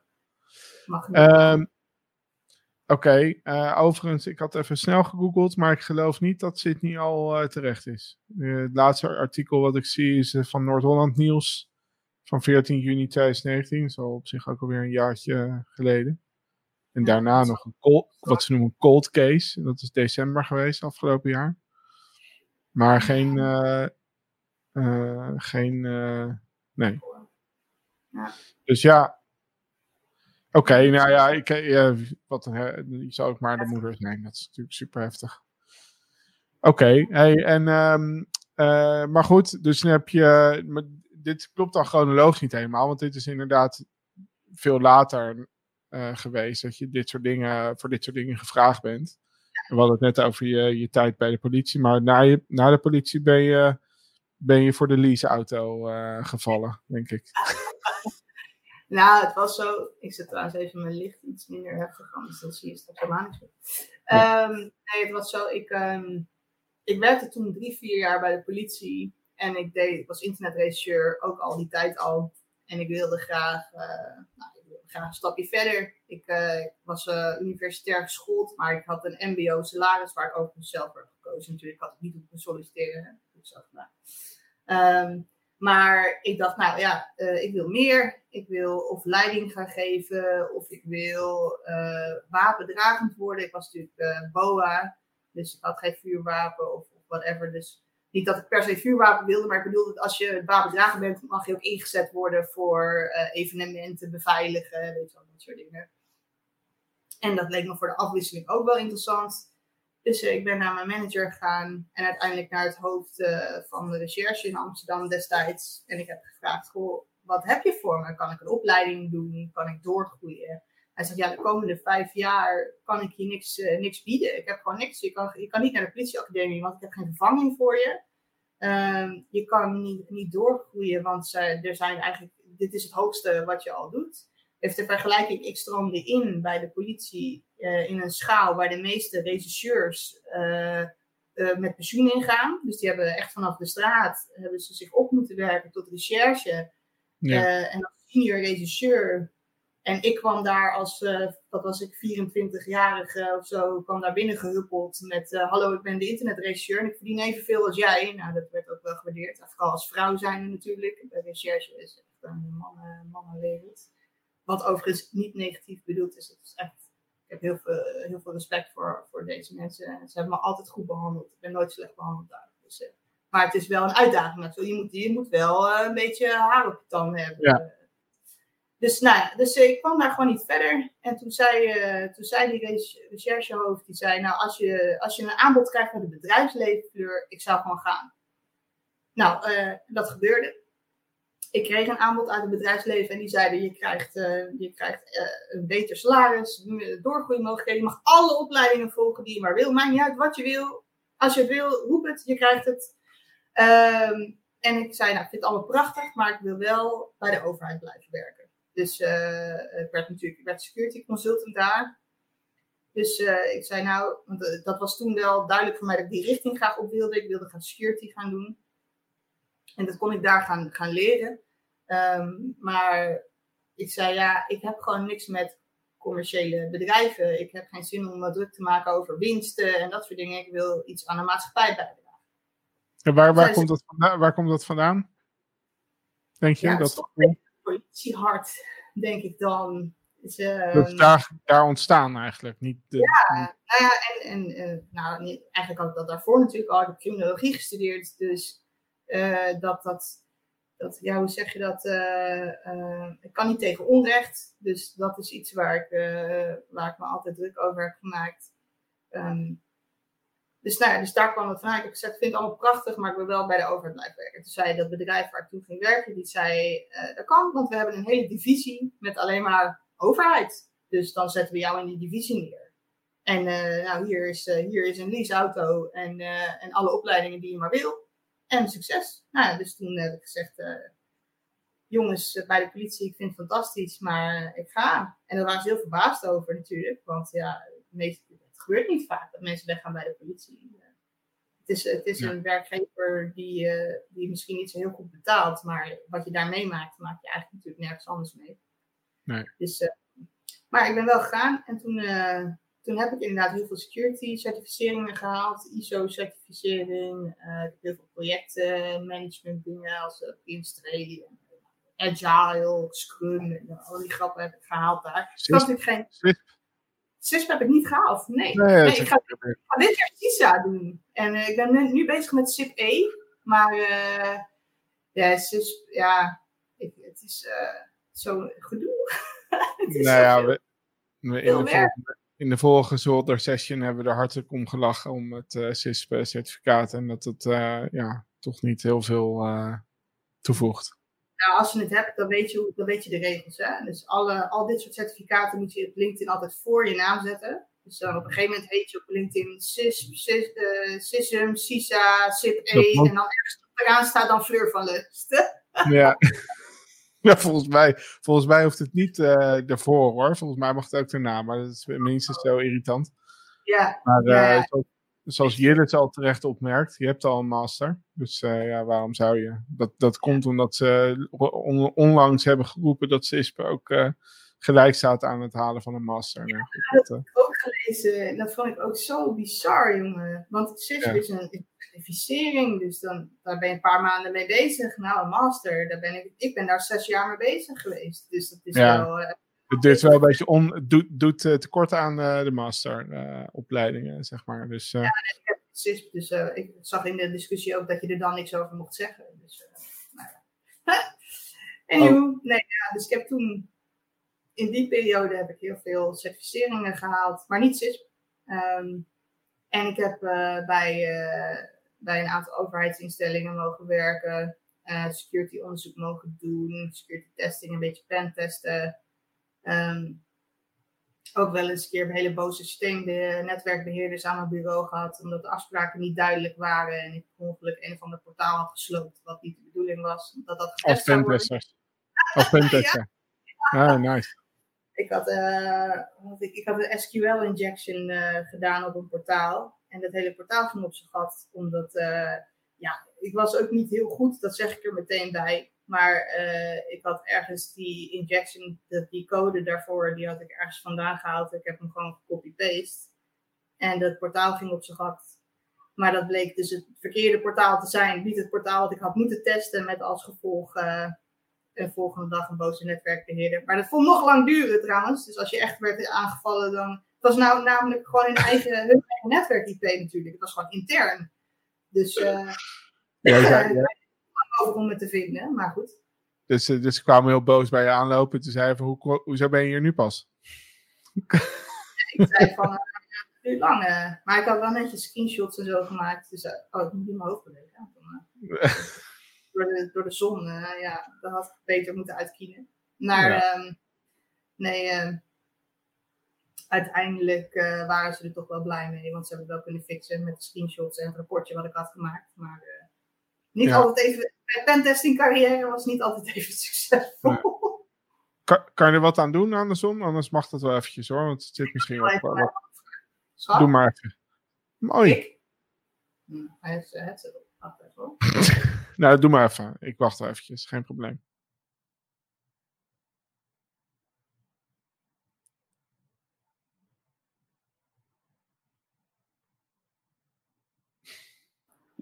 Ik mijn man ook even zien. We krijgen gratis Rick ook nog eventjes in beeld. Erbij. De, kijk eens eventjes. Kijk eens eventjes. Dankjewel, Mo. Dank, dankjewel, Rick.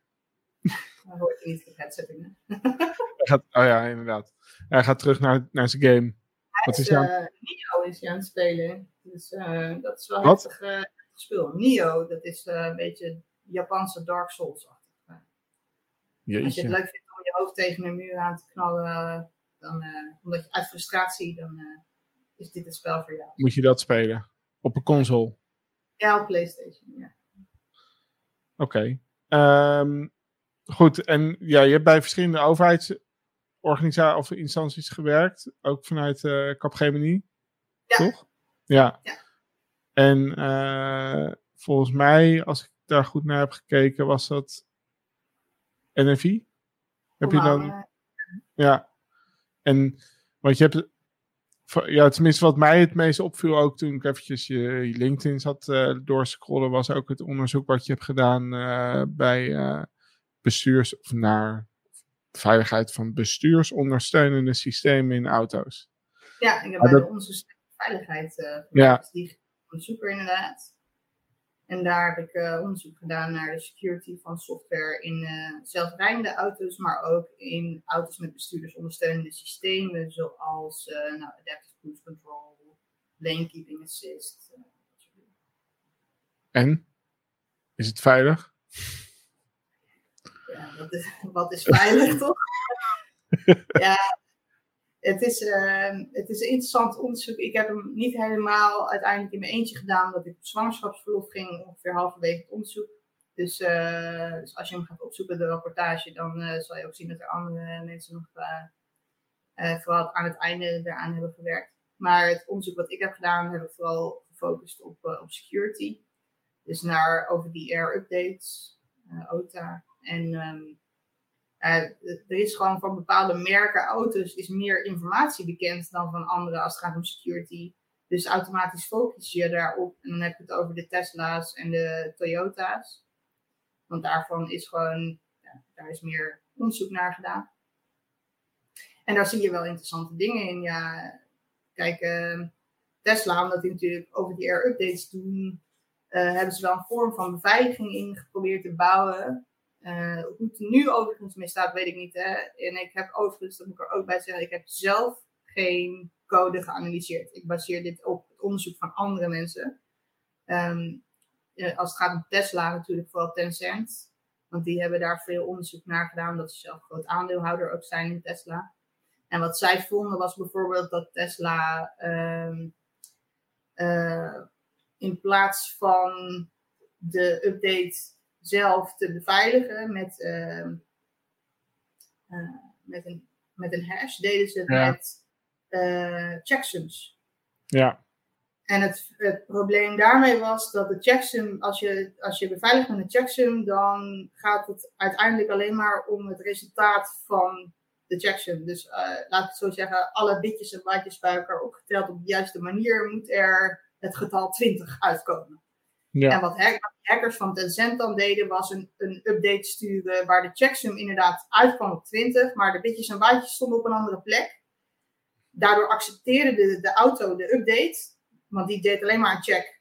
Klopt, klopt dit berekeningetje? Ja, want er komt 20 uit. Dus is het een legitieme update. En dan installeerde die hem. Eh, maar eigenlijk was het eh, een malafide update van die hackers. En zo konden ze dan de, de achterklep open doen, eh, op de rem drukken, eh, dat soort dingen. Dus eh, nou, dat, dat is wel interessant. En natuurlijk het werk eh, wat is gedaan door de twee experts op de Toyota. Waar, nou, als je wat van security van auto's weet, dan weet je dat zij, zij er onderzoek naar hebben gedaan. En zij konden dan via de Cambus konden ze inbreken. omdat er een in de entertainment systeem zat een simkaart van eh, Sprint, Amerikaanse telecom provider. En Sprint gebruikte voor alle Toyota's een bepaalde IP-range. Eh, en als je dat wist, dan kon je op afstand eh, nou ja, inbreken op een auto. Als je wist welk IP-adres hoorde bij welke auto. En dan, eh dan kon ze op een of andere manier door een gateway heen komen. Ik kan het wel helemaal technisch laten. Het is niet zo boeiend. En dan konden ze dus op afstand konden ze die auto de eh, windscreen wipers, de ruitwissers aan en uit zetten. Ze konden de radio heel hard zetten of heel zacht. Ze konden hun eigen foto op het entertainment systeem zetten. Maar ze konden ook op de rem drukken. Eh, of zorgen dat de rem niet werkte. Dus eh, nou, een heel mooi filmpje dat je op een gegeven moment een journalist ziet die in een greppel rijdt. Ja. Eh, dus hebben uitgezet. Alleen dit, dit- volgens mij was want ik, ik, ik dacht al van ik, ik ken het her- verhaal wel, alleen het was met een Jeep Cherokee. Dus het waren Oh, volgens ja. mij eh, Toyota, Charlie, Charlie Miller en eh, Chris. eh, Chris ja, ja. Nee, ze hebben ook Toyota gedaan. Maar inderdaad, Oh, waar ik het over heb, is inderdaad de Jeep. Maar ze hebben ook een Toyota. Ja, wat, wat ik zelf wel gewoon intrigerend vind, want het is natuurlijk al die uh, zelfrijden, of nou ja, autonome systemen die in auto's langzamerhand ontstaan en uitgebreid worden. Dat moet dan op een gegeven moment natuurlijk leiden tot het punt dat ze zelfrijdend uh, worden. Ja. Uh, echt autonoom. En ja, volgens mij ontstaat er dan, dan gaan we echt een heel nieuw tijdperk starten, stappen we dan in met z'n allen hè, bij, bij de security community. En wat, wat voor soort vragen dan, dan in één keer op ons af gaan komen. Uh, die veel meer, uh, denk ik ook, uh, op een, op een hoger abstractieniveau komen. Dus waar we nu met name bezig zijn, van, hè, kan je technisch inbreken op een computer, kan je technisch het iets laten doen wat, ja, of het manipuleren op de een of andere manier. Ja, ga je straks gewoon die manipulatie misschien wel gewoon in de fysieke wereld proberen uit te voeren. Hè? Dus je hebt al die voorbeelden, dat ze, ik weet niet of je die kent, dat ze die stopborden ja, die afgeplakt zijn. Ja, wat ze ook wel deden was, wat ook wel hilarisch was, op een gegeven moment had je auto's die problemen kregen omdat ze dachten voetgangers te herkennen. En dat waren of van die uh, abris bij bushaltes, waar dan iemand op stond. En dan dacht de auto dat het een voetganger was. Uh, en we, je maakte het ook wel mee met uh, gewoon echt fysiek een bus, waar dan reclame op stond op de achterkant van iemand die liep. En dan dat een het ook herkende als een voetganger en ging remmen. Maar in de praktijk um, wat, je, wat we in het onderzoek zagen was dat bijvoorbeeld met name vrachtwagens, die automatische stopsystemen in vrachtwagens, uh, heel veel moeite hebben met pijlwagens. En een pijlwagen denk je in eerste instantie, wat is dat? Wist dat ik. Maar een pijlwagen is als je een file hebt bijvoorbeeld, of je hebt wegwerkzaamheden, dan heb je wel eens zo'n nou, zo'n auto en er staat een licht, ja. uh, zo'n lichtpijl op die zegt je moet naar deze baan toe. Ja. Dat is een pijl. En daar hebben met name vrachtwagens moeite mee om die te herkennen dat als zijnde een auto waar ze voor moeten remmen. En daarom zag je in het onderzoek dat wij deden best wel veel vrachtwagens die op pijlwagens knalden. Uh, en dat was ook zo met opleggers. Dus uh, van die uh, waar een andere auto dan opstapt, bijvoorbeeld, om auto's te vervoeren naar een dealer of whatever. Um, als het er niet precies uitzag als een auto, dan herkenden die automatische stopsystemen het soms niet. Dus dat... Uh... En ook niet als een object überhaupt dan? Ja, klopt. Nee, dat zagen ze niet. Ja. Dus dat, ja, dat, dat kwam er ook uit uit het onderzoek. Dan zie je toch dat ze gewoon 2D-visie hebben natuurlijk, hè, die, uh, die dingen. Ja, en waar we, waar we tegenaan liepen was uh, dat sommige vrachtwagenchauffeurs de automatische stopsystemen ook echt uitzetten. Omdat, ze, omdat het hun ja. stoorde in het rijden. Omdat soms auto, gewoon personenauto's zo vlak voor een vrachtwagen bijvoorbeeld uitvoegen, dat hun vrachtwagen plotseling dan ging remmen, want die dacht, oh, er komt een file aan. Maar het was eigenlijk gewoon een personenauto die veel te dicht voor die vrachtwagen langs probeerde te rijden. En dat ging ze vaak zo, uh, nou, daar hadden ze zoveel last van, dat ze vaak gewoon het systeem uitzetten, terwijl die eigenlijk verplicht is. Oh ja, automatisch stoppen? Hm, mij, als, je het, als je het hebt, moet je hem aan hebben staan. Oh, zo, ja. Ja. Hm, ja, precies. Ja, ik heb zelf mijn groot rijbewijs. Dat uh, gewoon bijdingetje. Maar uh, ik vond het al heel wat dat je inderdaad uh, echt leert op de cruise control te rijden. Terwijl het in de personenauto echt een, gewoon een gadget is. Of wordt zelfs misschien ontraden bijna. en in, in de vracht, bij de vrachtwagens leren ze dat aan, met name vanuit een milieuperspectief. dus dat de vrachtwagen gewoon zuiniger rijdt. op het moment dat hij gewoon zelf in charges uh, over gassen en remmen. Uh, en ook met name welke, welke versnelling te rijden. Uh, dus ja. Ja goed. Onderzoek, maar... Ik geloof dat het een van de aanbevelingen in het onderzoek was om mensen die hun rijbewijs haalden te, meer, meer te leren om met dat soort systemen te, om te gaan. Uh, ja. Lane Keeping Assist en Adaptive Cruise Control. En ook bij mensen die nieuwe auto's kopen, uh, waar dat soort snufjes in zitten, om ze bij de dealer al, als ze de auto komen halen, wat meer informatie te geven over hoe dat dan werkt. En uh, nou, misschien een beetje te maken, dat soort dingen. Ja, nou, ik heb, ik, heb, heb zelf in mijn auto dat Adaptive Cruise Control. En uh, dat is wel super relaxed als je file moet rijden. Echt, uh, je wil eigenlijk niet meer anders. Want dan je zet het aan en uh, ja, je kan gewoon natuurlijk, natuurlijk je, je aandacht erbij houden. Maar je kan iets meer ontspannen op dat moment. Maar um, ja, natuurlijk test ik ook wel eens eventjes af en toe hier en daar met gewoon rijden. En dat ja, gaat over het algemeen prima, maar het wil toch wel voorkomen. Ja, het wil nog wel eens voorkomen dat, dat je denkt, nou ga je iets hard op die bocht af, weet je wel. En dat ga ik toch eventjes uh, corrigeren.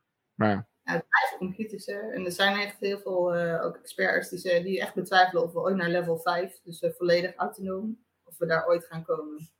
Want het is ja, wel en, een andere wereld. Maar volgens mij had, had Tesla had laatst weer een update uitgerold. Zomaar ineens onaangekondigd. En dan ik weet niet, zo, ik weet niet, volgens mij is het nou, niet level 5, maar wel, uh, ja, release candidate of zo, uh, level 5 dan, bij wijze van spreken. Okay. En uh, ja, wat, daar, ik zat aan een, een andere podcast te kijken met een onderzoeker van, van een universiteit, ik weet even zijn naam niet uit mijn hoofd, in Amerika. En die zei ik van ja, het, het is gewoon een, een bepaalde strategie geweest van Tesla om die auto's uh, al te voorzien van zoveel sensoren en gewoon kilometers te maken, kilometers te maken of miles. Data verzamelen, Om da heel veel da verzamelen. data verzamelen. Zoveel, en, en daar hebben zij zo'n gigantische voorsprong mee gecreëerd voor zichzelf om dit ooit uh, haalbaar te maken. Dat als er iemand in slaagt, dat zij zeker de eerste zullen zijn. Waarschijnlijk. Maar um, ja, ja, ik ben heel benieuwd. En er wordt ook natuurlijk heel veel gezegd van ja, dat kan misschien in Amerika wel werken, maar hier in, uh, je gaat niet over de Amsterdamse grachten jezelf laten transporteren door zijn auto. Maar ja. Aanpassen, daar is ook ja, in het onderzoek ook naar gekeken. Dus uh, kan je tussenvormen hebben waarbij je speciale aparte banen hebt voor autonome auto's, waar je uh, anders mee omgaat met voetgangers en fietsers dan voor de, voor de andere weggebruikers. Uh, ja. Uh, ja. Als je het interessant vindt, uh, lees het onderzoek een keer, zou ik zeggen. Ja, dat zou ik zeker doen. Maar gaat het ook hierop in, al op de, de toekomst? Ja, het, gaat, het onderzoek is echt be, bedoeld geweest om te kijken naar alle, bijna alle facetten die te maken hebben met dit soort technieken. En ik heb, ik heb maar naar één klein stukje gekeken. Ik ben maar een radertje geweest in het hele team van onderzoekers. Ik heb alleen maar naar de security van de software gekeken. Uh, maar er zitten, ze hebben heel veel andere onderzoekers aan, aan het onderzoek meegewerkt. Die hebben gekeken naar de ethische uh, issues. Hè, van uh, moet een auto nou remmen voor een oud vrouwtje als degene die bestuurder is nog jong is. weet je wel, moet hij kiezen tussen wie er dan dood moet gaan. Als, als er iemand dood moet gaan. Dus dat onderzoek is echt heel, heel breed uitgevoerd. Dus wat ik zeg, ik heb alleen maar naar de security gekeken, maar er is naar veel meer aspecten gekeken dan alleen security. Het was maar een heel klein onderdeeltje eigenlijk. Ja, weet je ook weer de cable car problem, toch? Nee, cable, heet het cable car? Dat ethische, het ethische probleem van moet hij doorrijden of niet? Ja, je hebt hem ook uh, met uh, de rails, toch? Van, je kan ja. de wissel om, omzetten en dan gaat de trein of whatever, die rijdt zoveel mensen om. Of, nou, het is gewoon die ja. hele ethische dingen altijd. En de Spelunky en Explorers zal ik ook nooit meer vergeten van mijn eigen... Het trolley, het, het trolley-probleem. De trolley, trolley, de trolley problem. Even kijken hoor, het plaatje in beeld brengen. Dan kan ik wel eventjes uh, toveren. Het trolley-probleem. Uh, uh, voor de meeste mensen misschien wel een bekend plaatje. Oh, ja, zeker, ja, dit is inderdaad ook in mijn hoofd. Dat. Ja. Maar, dus het trolleyprobleem is, er ligt iemand op het spoor en uh, die trein gaat er overheen rijden, zet je de wissel om. Of er liggen vijf mensen op het spoor. In dit geval, weet je, je bent in charge. Je, je kan dus bepalen waar die tram heen gaat rijden. Ja, als je niks doet, rijdt hij geloof ik uh, vijf mensen over. En Ja. als je wel wat dan rijdt hij één iemand over. Dat is het dilemma, geloof ik. Ja, En ben ja. jij schuldig aan de dood van die ene persoon als je wel ingrijpt of niet? Nou, je kan er allerlei invalshoeken geloof ik voor hebben. Ja. Bij de Explorers is het geloof ik zo, het, het verhaal, dan zitten er uh, een aantal mensen in een grot en die grot die uh, is ingestort, de ingang is ingestort. En dan, uh, nou, ze zouden het kunnen overleven als ze één iemand doodmaken en hem opeten of zo. En als ze dat doen en ze overleven het, dan zijn ze dan schuldig aan moord of niet. Ehm, want als ze het niet hadden gedaan, waren ze allemaal dood geweest. Nou, dat soort.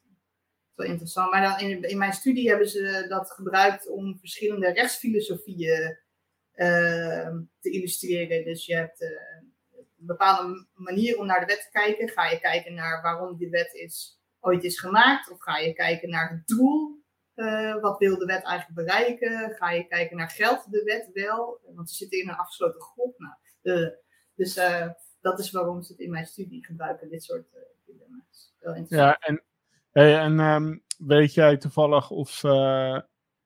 misschien is dat ook wel een onderdeel van het onderzoek. Maar wat ik me altijd afvraag: van hoe gaat het straks werken in de sfeer van waarheidsvinding? Hè? Dus als er. en dat is misschien nu al. Een, ja. Ja, en, en een soort van forensisch onderzoek of de mogelijkheid om echt vast te stellen wat er is gebeurd in die autonome systemen.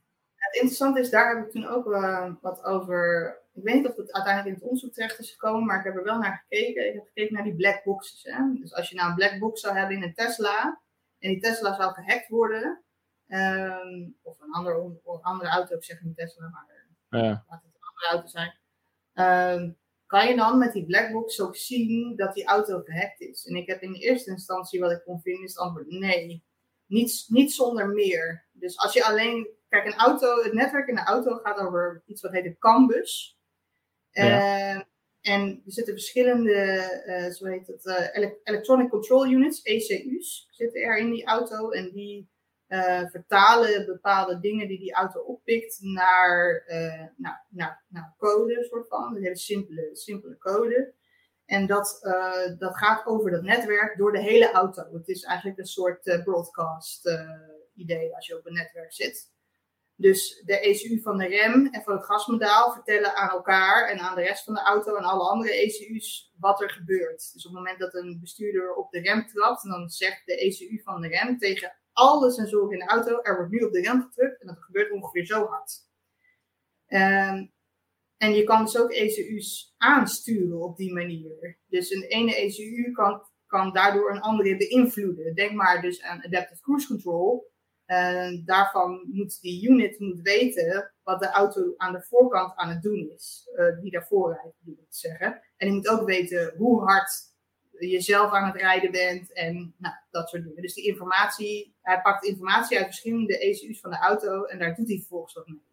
En wat die uh, Chris Velasek en die Charlie deden was, ze bootsten dat signaal van een ECU na. En dat deden ze op verschillende manieren. Dus ze konden uh, een ECU tricken om te geloven dat er op de rem werd getrapt. Door gewoon de, de code over de campus heen te sturen. Er wordt nu op de rem getrapt.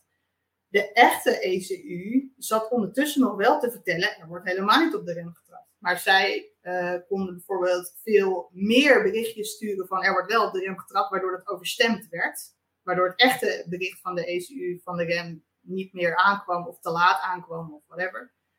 Uh, waardoor de auto gewoon ging remmen of het tegenovergestelde. En wat ze ook deden was, ze konden een ECU in bootrom modus zetten, dus in update modus, waardoor die uh, niks meer deed. En vervolgens gingen ze dan zelf berichtjes over de campus sturen, alsof zij die ECU waren, waardoor andere systemen in de auto daarop gingen reageren.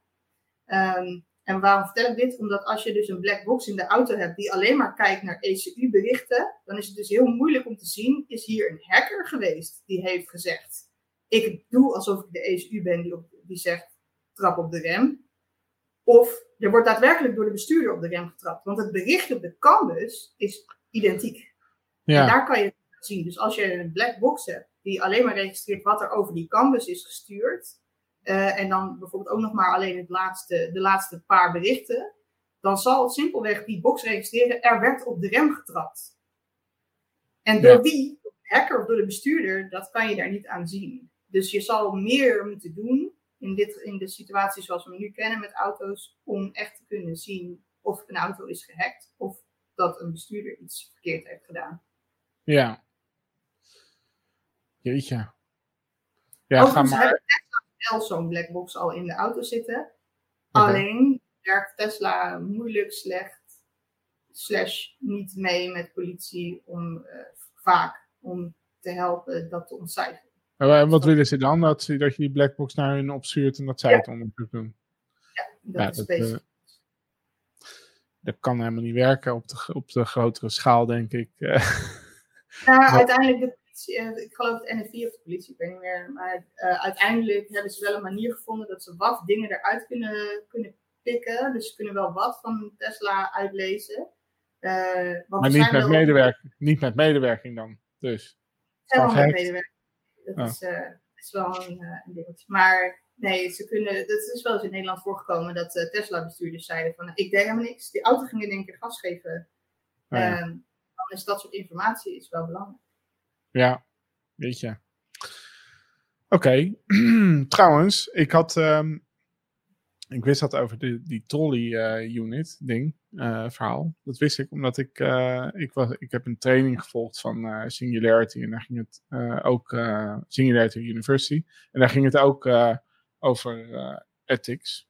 En bij het trolley probleem dat je mensen die dat net hebben gezien, dus denken, jeetje, wat, wat een ingewikkelde vraag. Of die zullen denken, ja, hoezo? Maar waarom is dit eigenlijk überhaupt een probleem? Een trolleyprobleem? Dus zo. En dan kan je, het gaat erom dat dit is eigenlijk een eeuwenoud uh, probleem. En e-, ethiek is ook een e-, eeuwenoud uh, uh, iets. En dat er dus drie verschillende ethische grondslagen zijn. Of, of ja, lenzen, lezingen. Zeg jij het even? Ja, utilitarianism. Dat is, uh, ja, dit is, dit is dus wat ze met mij bij rechten hebben geprobeerd daarbij te brengen, inderdaad, Bentham. Um, dat, is, dat gaat uit van, uh, het gaat niet zozeer om de wet of whatever. Het gaat om het, het meeste uh, goed voor de meeste aantal mensen. Dat is utilitarisme. Ja. Dus daar moet je naar kijken en dat is het belangrijkste. Dus in dit geval moet je inderdaad de, die, vijf, die vijf mensen beschermen, de wissel omzetten en die ene dood laten gaan. Ja, en, en, dan, en dan denk je, ja, weet je, als, je, als dat dan de enige lezer dan denk je, ja, oké, ja, dat zit wel wat in. Dat kan wel een, een, regel voor mij zijn in het leven of zo. Want het komt natuurlijk, zijn trolley, daar zal niet iedereen heel vaak tegenaan lopen, maar kunnen wel andere aspecten zijn. Uh, en dan had je, even kijken hoor, dan. Uh, oh ja, deontology. Dat gaat er volgens mij over dat. Uh, ik maak er nu echt een zootje van. in ieder geval, er was een andere lezing, laat ik het maar eventjes zonder beeld doen. Waarin dan gezegd wordt van ja, eigenlijk um, is uh, ethiek, uh, zegt ons dat wij gewoon niet over leven of dood mogen beslissen. Dus als de situatie is dat die wissel ja, die vijf mensen laat doodgaan. En de enige andere optie is dat, uh, dat er in plaats van die vijf, dat er maar één doodgaan. Ja, ja wie ben ik om daarover te beslissen? Dan zo so be it. Weet je wel? Want ja, moet ik dan bepalen dat die ene die daar ligt minder belangrijk is dan die vijf? Ik, dat zit eigenlijk ook wel wat in. Ja. En, en, uh, en uh, volgens mij kwam dat net in die laatste slide voorbij dat het gaat over happiness. Nou, oké, okay, ja. laat maar. dat, dat is te moeilijk. Dit is ook uh, wat ik bij criminologie heb gehad. Bij uh, rechtsfilosofie is dat eigenlijk. Dus dat is hoe kijk je naar recht? En ja. hoe, moet je recht, hoe moet je wetten interpreteren? Als bijvoorbeeld rechters zijn, moet je dat doen naar de letter van de wet. Moet je kijken naar inderdaad het grootste goed voor het grootste aantal mensen. ja.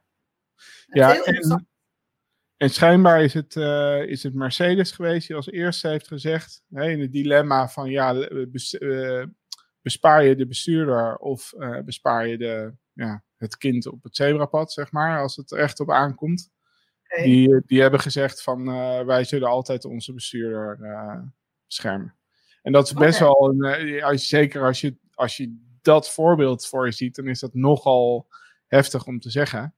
Ja. Maar aan de andere kant, ja, werd er dan in die training werd, er, werd het echt zo gebracht ook. Zeg van ja, maar de mensheid en het aantal verkeersongelukken in de bredere zin is erbij gebaat dat er meer zelfrijdende auto's komen. Uh, er zijn, als een, als een bestuur of als een zelfrijdende auto geprogrammeerd is om de bestuurder tegen de muur aan te knallen, als dat een keertje uh, niet, niet anders kan, dan koopt niemand een zelfrijdende auto. Maar we zijn erbij gebaat met z'n allen dat mensen dat wel doen. Dus het is juist ethisch om ervoor te zorgen dat als leverancier van auto's moet zeggen van oké, weet je, wij beschermen jou. Dat is onze taak. Ja, zodat mogelijk in het onderzoek wat ik deed ook wel eens gebruikt om te zeggen uh, om, tegen regulering. Hè? Dus uh, in het onderzoek wat wij hebben gedaan, hebben we ook gekeken naar wet en regelgeving. En zou dat er moeten komen voor dit soort fabrikanten? Hè? Uh, ook op ethisch gebied zou er gewoon een, wet moeten komen die zeggen: gij zult voetgangers beschermen of zo. Um, en wat er vaak tegen, tegen ons werd gezegd was: um, ja, maar uh, je hoeft dit onderzoek toch niet te doen, want uh, fabrikanten hebben er baat bij om veilige auto's te maken. Dus uh, dat doen ze heus wel. Die maken heus wel veilige auto's. Want als hun auto's niet veilig zijn, dan doet niemand ze. En ja, dat is, dat is gewoon, dat vind ik een heel slecht, slecht verhaal. En dat vind ik een slecht verhaal, omdat, kijk maar naar het voorbeeld van Boeing met de 737 MAX. Heeft Boeing er nou baat bij dat ze vliegtuigen maken die neerstorten? Nee, natuurlijk niet. Dat betekent dat zonder meer dat ze daarom alleen maar veilige vliegtuigen programmeren als het gaat om software. Nee, nee want in het geval van de 737 MAX uh, hebben ze toch echt shortcuts genomen waar het gaat om het programmeerwerk, waardoor vliegtuigen zijn neergestort. Dus kan je hè, dan maar niet reguleren, want ja, dat, uh, ze hebben er geen belang bij. Dat is gewoon niet waar. Het eerste belang is altijd geld verdienen bij de fabrikanten en niet veiligheid. Veiligheid is nooit prio 1. Dat geloof ik echt dat kan het niet. Je bent een commercieel bedrijf. Dus je geld is je prio. Ja. Ja, ja. Zeker. Dat denk ik. En... Dat, is mijn, dat heeft niks met het onderzoek te maken. Dat is mijn, uh, mijn mening. Nee, ja, precies. Ja. Uh, je, je wilt overleven, daar heb je geld voor nodig. Maar je wil ook voor de lange termijn, en daar is dan veiligheid op zich al niet in te.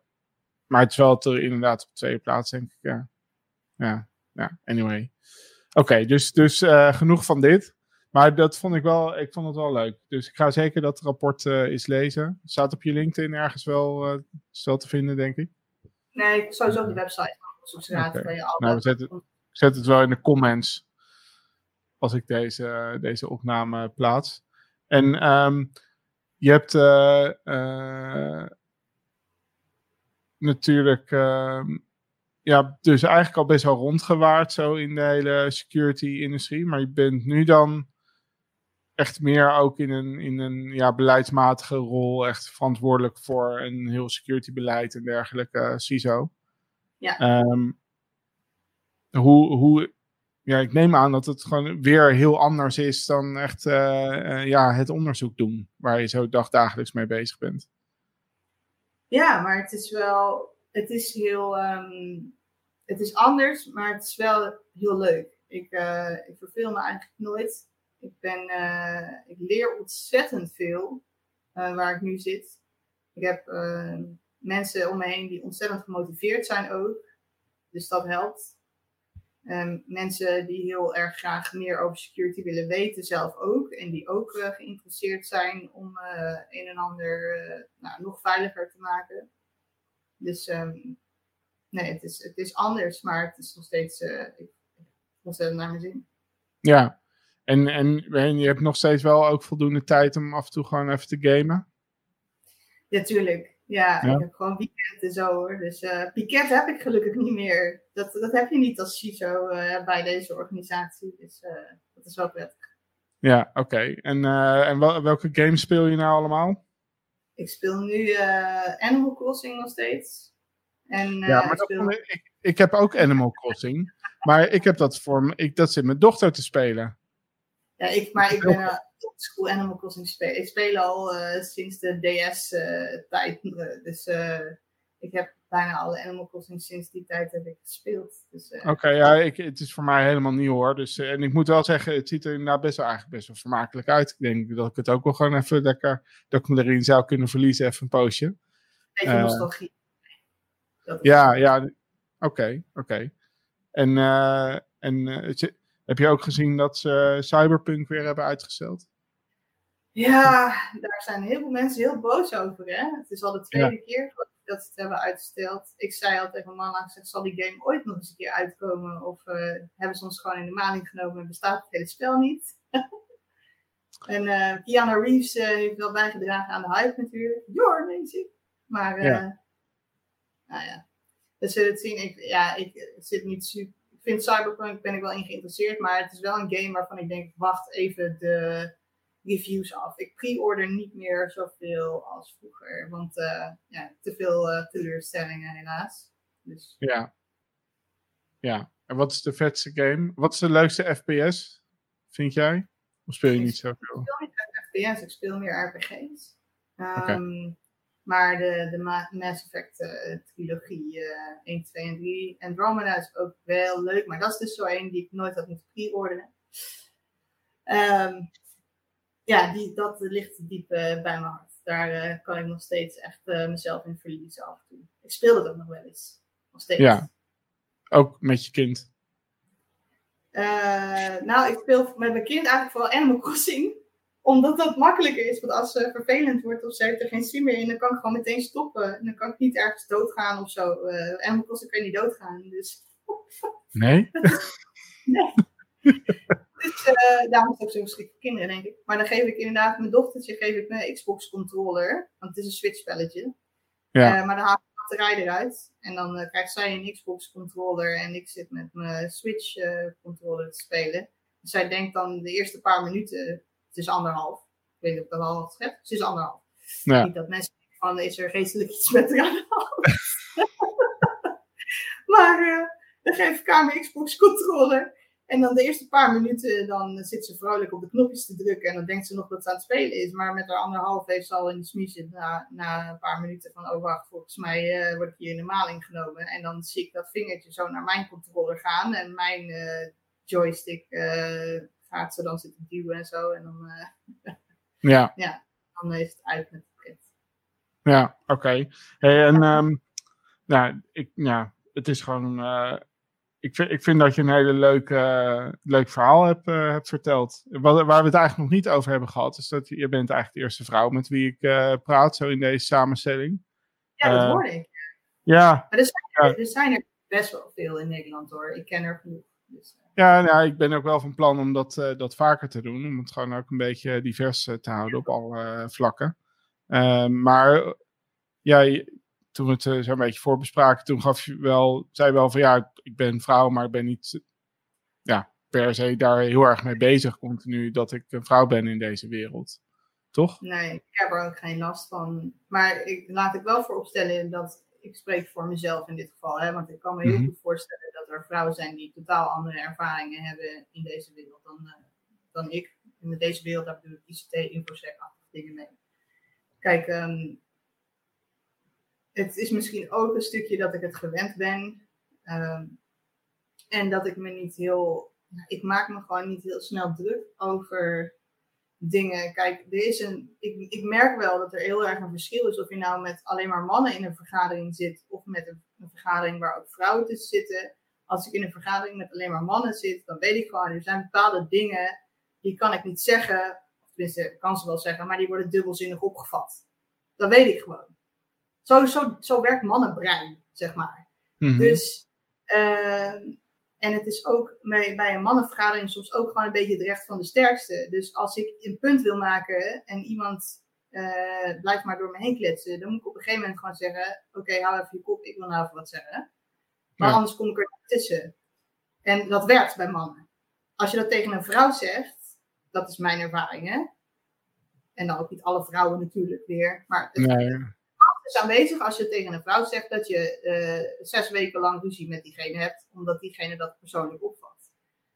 Um, en daarbij is het zo dat uh, uh, als je dus in een vergadering zit waar ook vrouwen bij zitten, en je zou dan zo'n opmerking maken, en zo'n opmerking doe ik dan zo één die dubbelzinnig kan worden opgevat, mm -hmm. dan gaat dat makkelijker. Alleen, soms doe ik het wel eens expres. soms zeg ik wel eens expres iets waarvan ik weet die gasten die in die vergadering zitten met mij, die mogen nu dus niet lachen. Want er zitten andere vrouwen bij. Dus hoge managers of bestuurders of zo. Dus als ze nu lachen, dan, dat, kan, dat kan echt niet. En dan zeg ik nee. juist dat ik gewoon weet dat zij gaan dat dubbelzinnig opvatten, maar die vrouwen snappen dat niet. en dan moeten ze zich heel erg inhouden. Nou, dat vind ik goed. Ja. Dat zij ook. Dat ja. Ja, dat maar... ik, ja, ik ben nooit. Uh, ik heb nooit, laat ik het anders zeggen, ik heb nooit het gevoel gehad dat het, het feit dat ik een vrouw ben betekende dat ik werd benadeeld of slecht behandeld of achtergesteld. Of ehm, eh, ik ben nooit, uh, heb ik een baan niet gekregen omdat ik vrouw was. Of, sterker nog, ik denk dat het in heel veel gevallen me juist heeft geholpen. omdat, omdat je bent weer, je bent een ander gezicht, je bent een soort frisse wind, weet je. En als je ineens als enige vrouw in een vergadering zit en jij gaat praten, dan hebben mensen meer de neiging om te luisteren. Dat is ja, maar, een beetje... maar er zijn ook natuurlijk best wel wat, uh, volgens mij, uh, groeperingen die, uh, die het vrouw zijn ook gewoon, of, waarbij de dames zich meer ook in een soort van voorbeeldrol ehm, plaatsen, omdat ja, met, met de bedoeling om misschien meer vrouwen ook het, voor het vak te interesseren. Um, ja, maar als, als je een beetje jouw levensloop bekijkt, dan is dat een, ik denk vergelijkbaar met die van mij, is dat je gewoon ja, op een gegeven moment zelf bent gaan internetten, weet je wel, thuis. En dat, dat daar het zaadje geplant is uh, voor interesse in dit vak. Dat je nou niet in je studie, niet op school uitgekozen hebt voor een security uh, functie. Alleen dat je interesse voor IT en ja, een paar toevallige dus, ja, samenlopen van omstandigheden die je in het vak hebben uh, terecht laten komen. Dus, en dat wordt in ook veel meer gewaardeerd. Ik merk ook nu, ik ben nu natuurlijk een CISO, dus ik ben nu ook bezig met uh, nou, mensen aannemen en dat soort dingen in je team. En dan moet ik met HRM natuurlijk in gesprek. En je merkt gewoon dat hoe wij in security kijken naar uh, de mensen die we zoeken, is gewoon heel anders dan traditioneel HRM of andere andere soorten vakgebieden gewend zijn. Het is gewoon heel normaal in veel vakgebieden dat je kijkt naar opleiding en ervaring. En, ehm, en dat moet matchen. Je moet deze opleiding hebben gevolgd of je moet deze certificaten hebben gehaald. En anders dan hoef, hoef je niet eens te proberen te solliciteren. Terwijl InfoSec kijkt veel meer naar autodidact. Dus heb je het jezelf aangeleerd. Ehm, dat, dat respecteren wij veel meer eigenlijk dan als je een papiertje hebt, we hadden het over SysNet. Maar ehm, als, als mensen kunnen laten zien dat ze zichzelf hebben leren programmeren, dat ze zelf uh, hebben leren omgaan met Kali Linux of command line of whatever, dan hebben we daar veel meer respect voor dan iemand die aankomt met, uh, ja, ik heb OSCP hoor. maar kan, kan nog geen gat in een dijk hacken, maar heb ik gehaald. Kijk. Ja. Nou is OSCP ja. slecht voorbeeld, want dat respecteren wij als over het algemeen juist als een heel mooi kaart, maar ik noem maar even wat. Ik snap, ik snap het punt, ja. Dat is een mooi, mooi voorbeeld waarvan we over het algemeen in InfoSec zeggen: Mo, zou ik nou niet op mijn cv zetten? Ik heb het niet gedaan. Nee, ja, precies. Maar goed. Nee, maar ik denk dus, hè, dus eh, als uh, vanuit een probleem en oplossing gedachte geredeneerd van oké, er is een probleem dat het een beetje scheef is qua verhoudingen man-vrouw in, uh, in dit wereldje. Wat is dan de oplossing? Dan denk ik dat, uh, dat het uh, niet zozeer heel erg veel gaat bijdragen op het moment dat, dat dat de oplossing in de sfeer van opleiding, uh, opleidingen of zo wordt gezocht. Omdat dat precies eigenlijk niet de vraag beantwoordt die, die de sector heeft aan, aan was van, van uh, extra man- of vrouwkracht. En in net wat jij zegt, van ja, we zijn eigenlijk op zoek naar, naar mensen die, uh, die zichzelf dingen hebben aangeleerd. Dus die eigenlijk gewoon vanuit hun eigen persoonlijke interesse al wat dingen hebben gedaan, waarvan we weten dat die een goede springplan kunnen bieden uh, richting een security uh, carrière of zo. Het zijn nog steeds erg makkelijk of erg moeilijk te vinden. Ja, ik, heb, ik geef wel eens van die gastlessen op scholen. En wat ik dan vaak aan het einde tegen die kinderen zeg, middelbare scholen hoor, geen basisschool. Maar wat ik dan vaak aan het einde tegen die kinderen zeg is, kijk eens op dingen als Hack the Box, HackerOne, Um, ga naar Code Academy, uh, pik daar wat interessants uit. Ik zou beginnen met iets van command line uh, in Linux of Python of iets dergelijks. Um, dat is waar ik die kinderen heen stuur.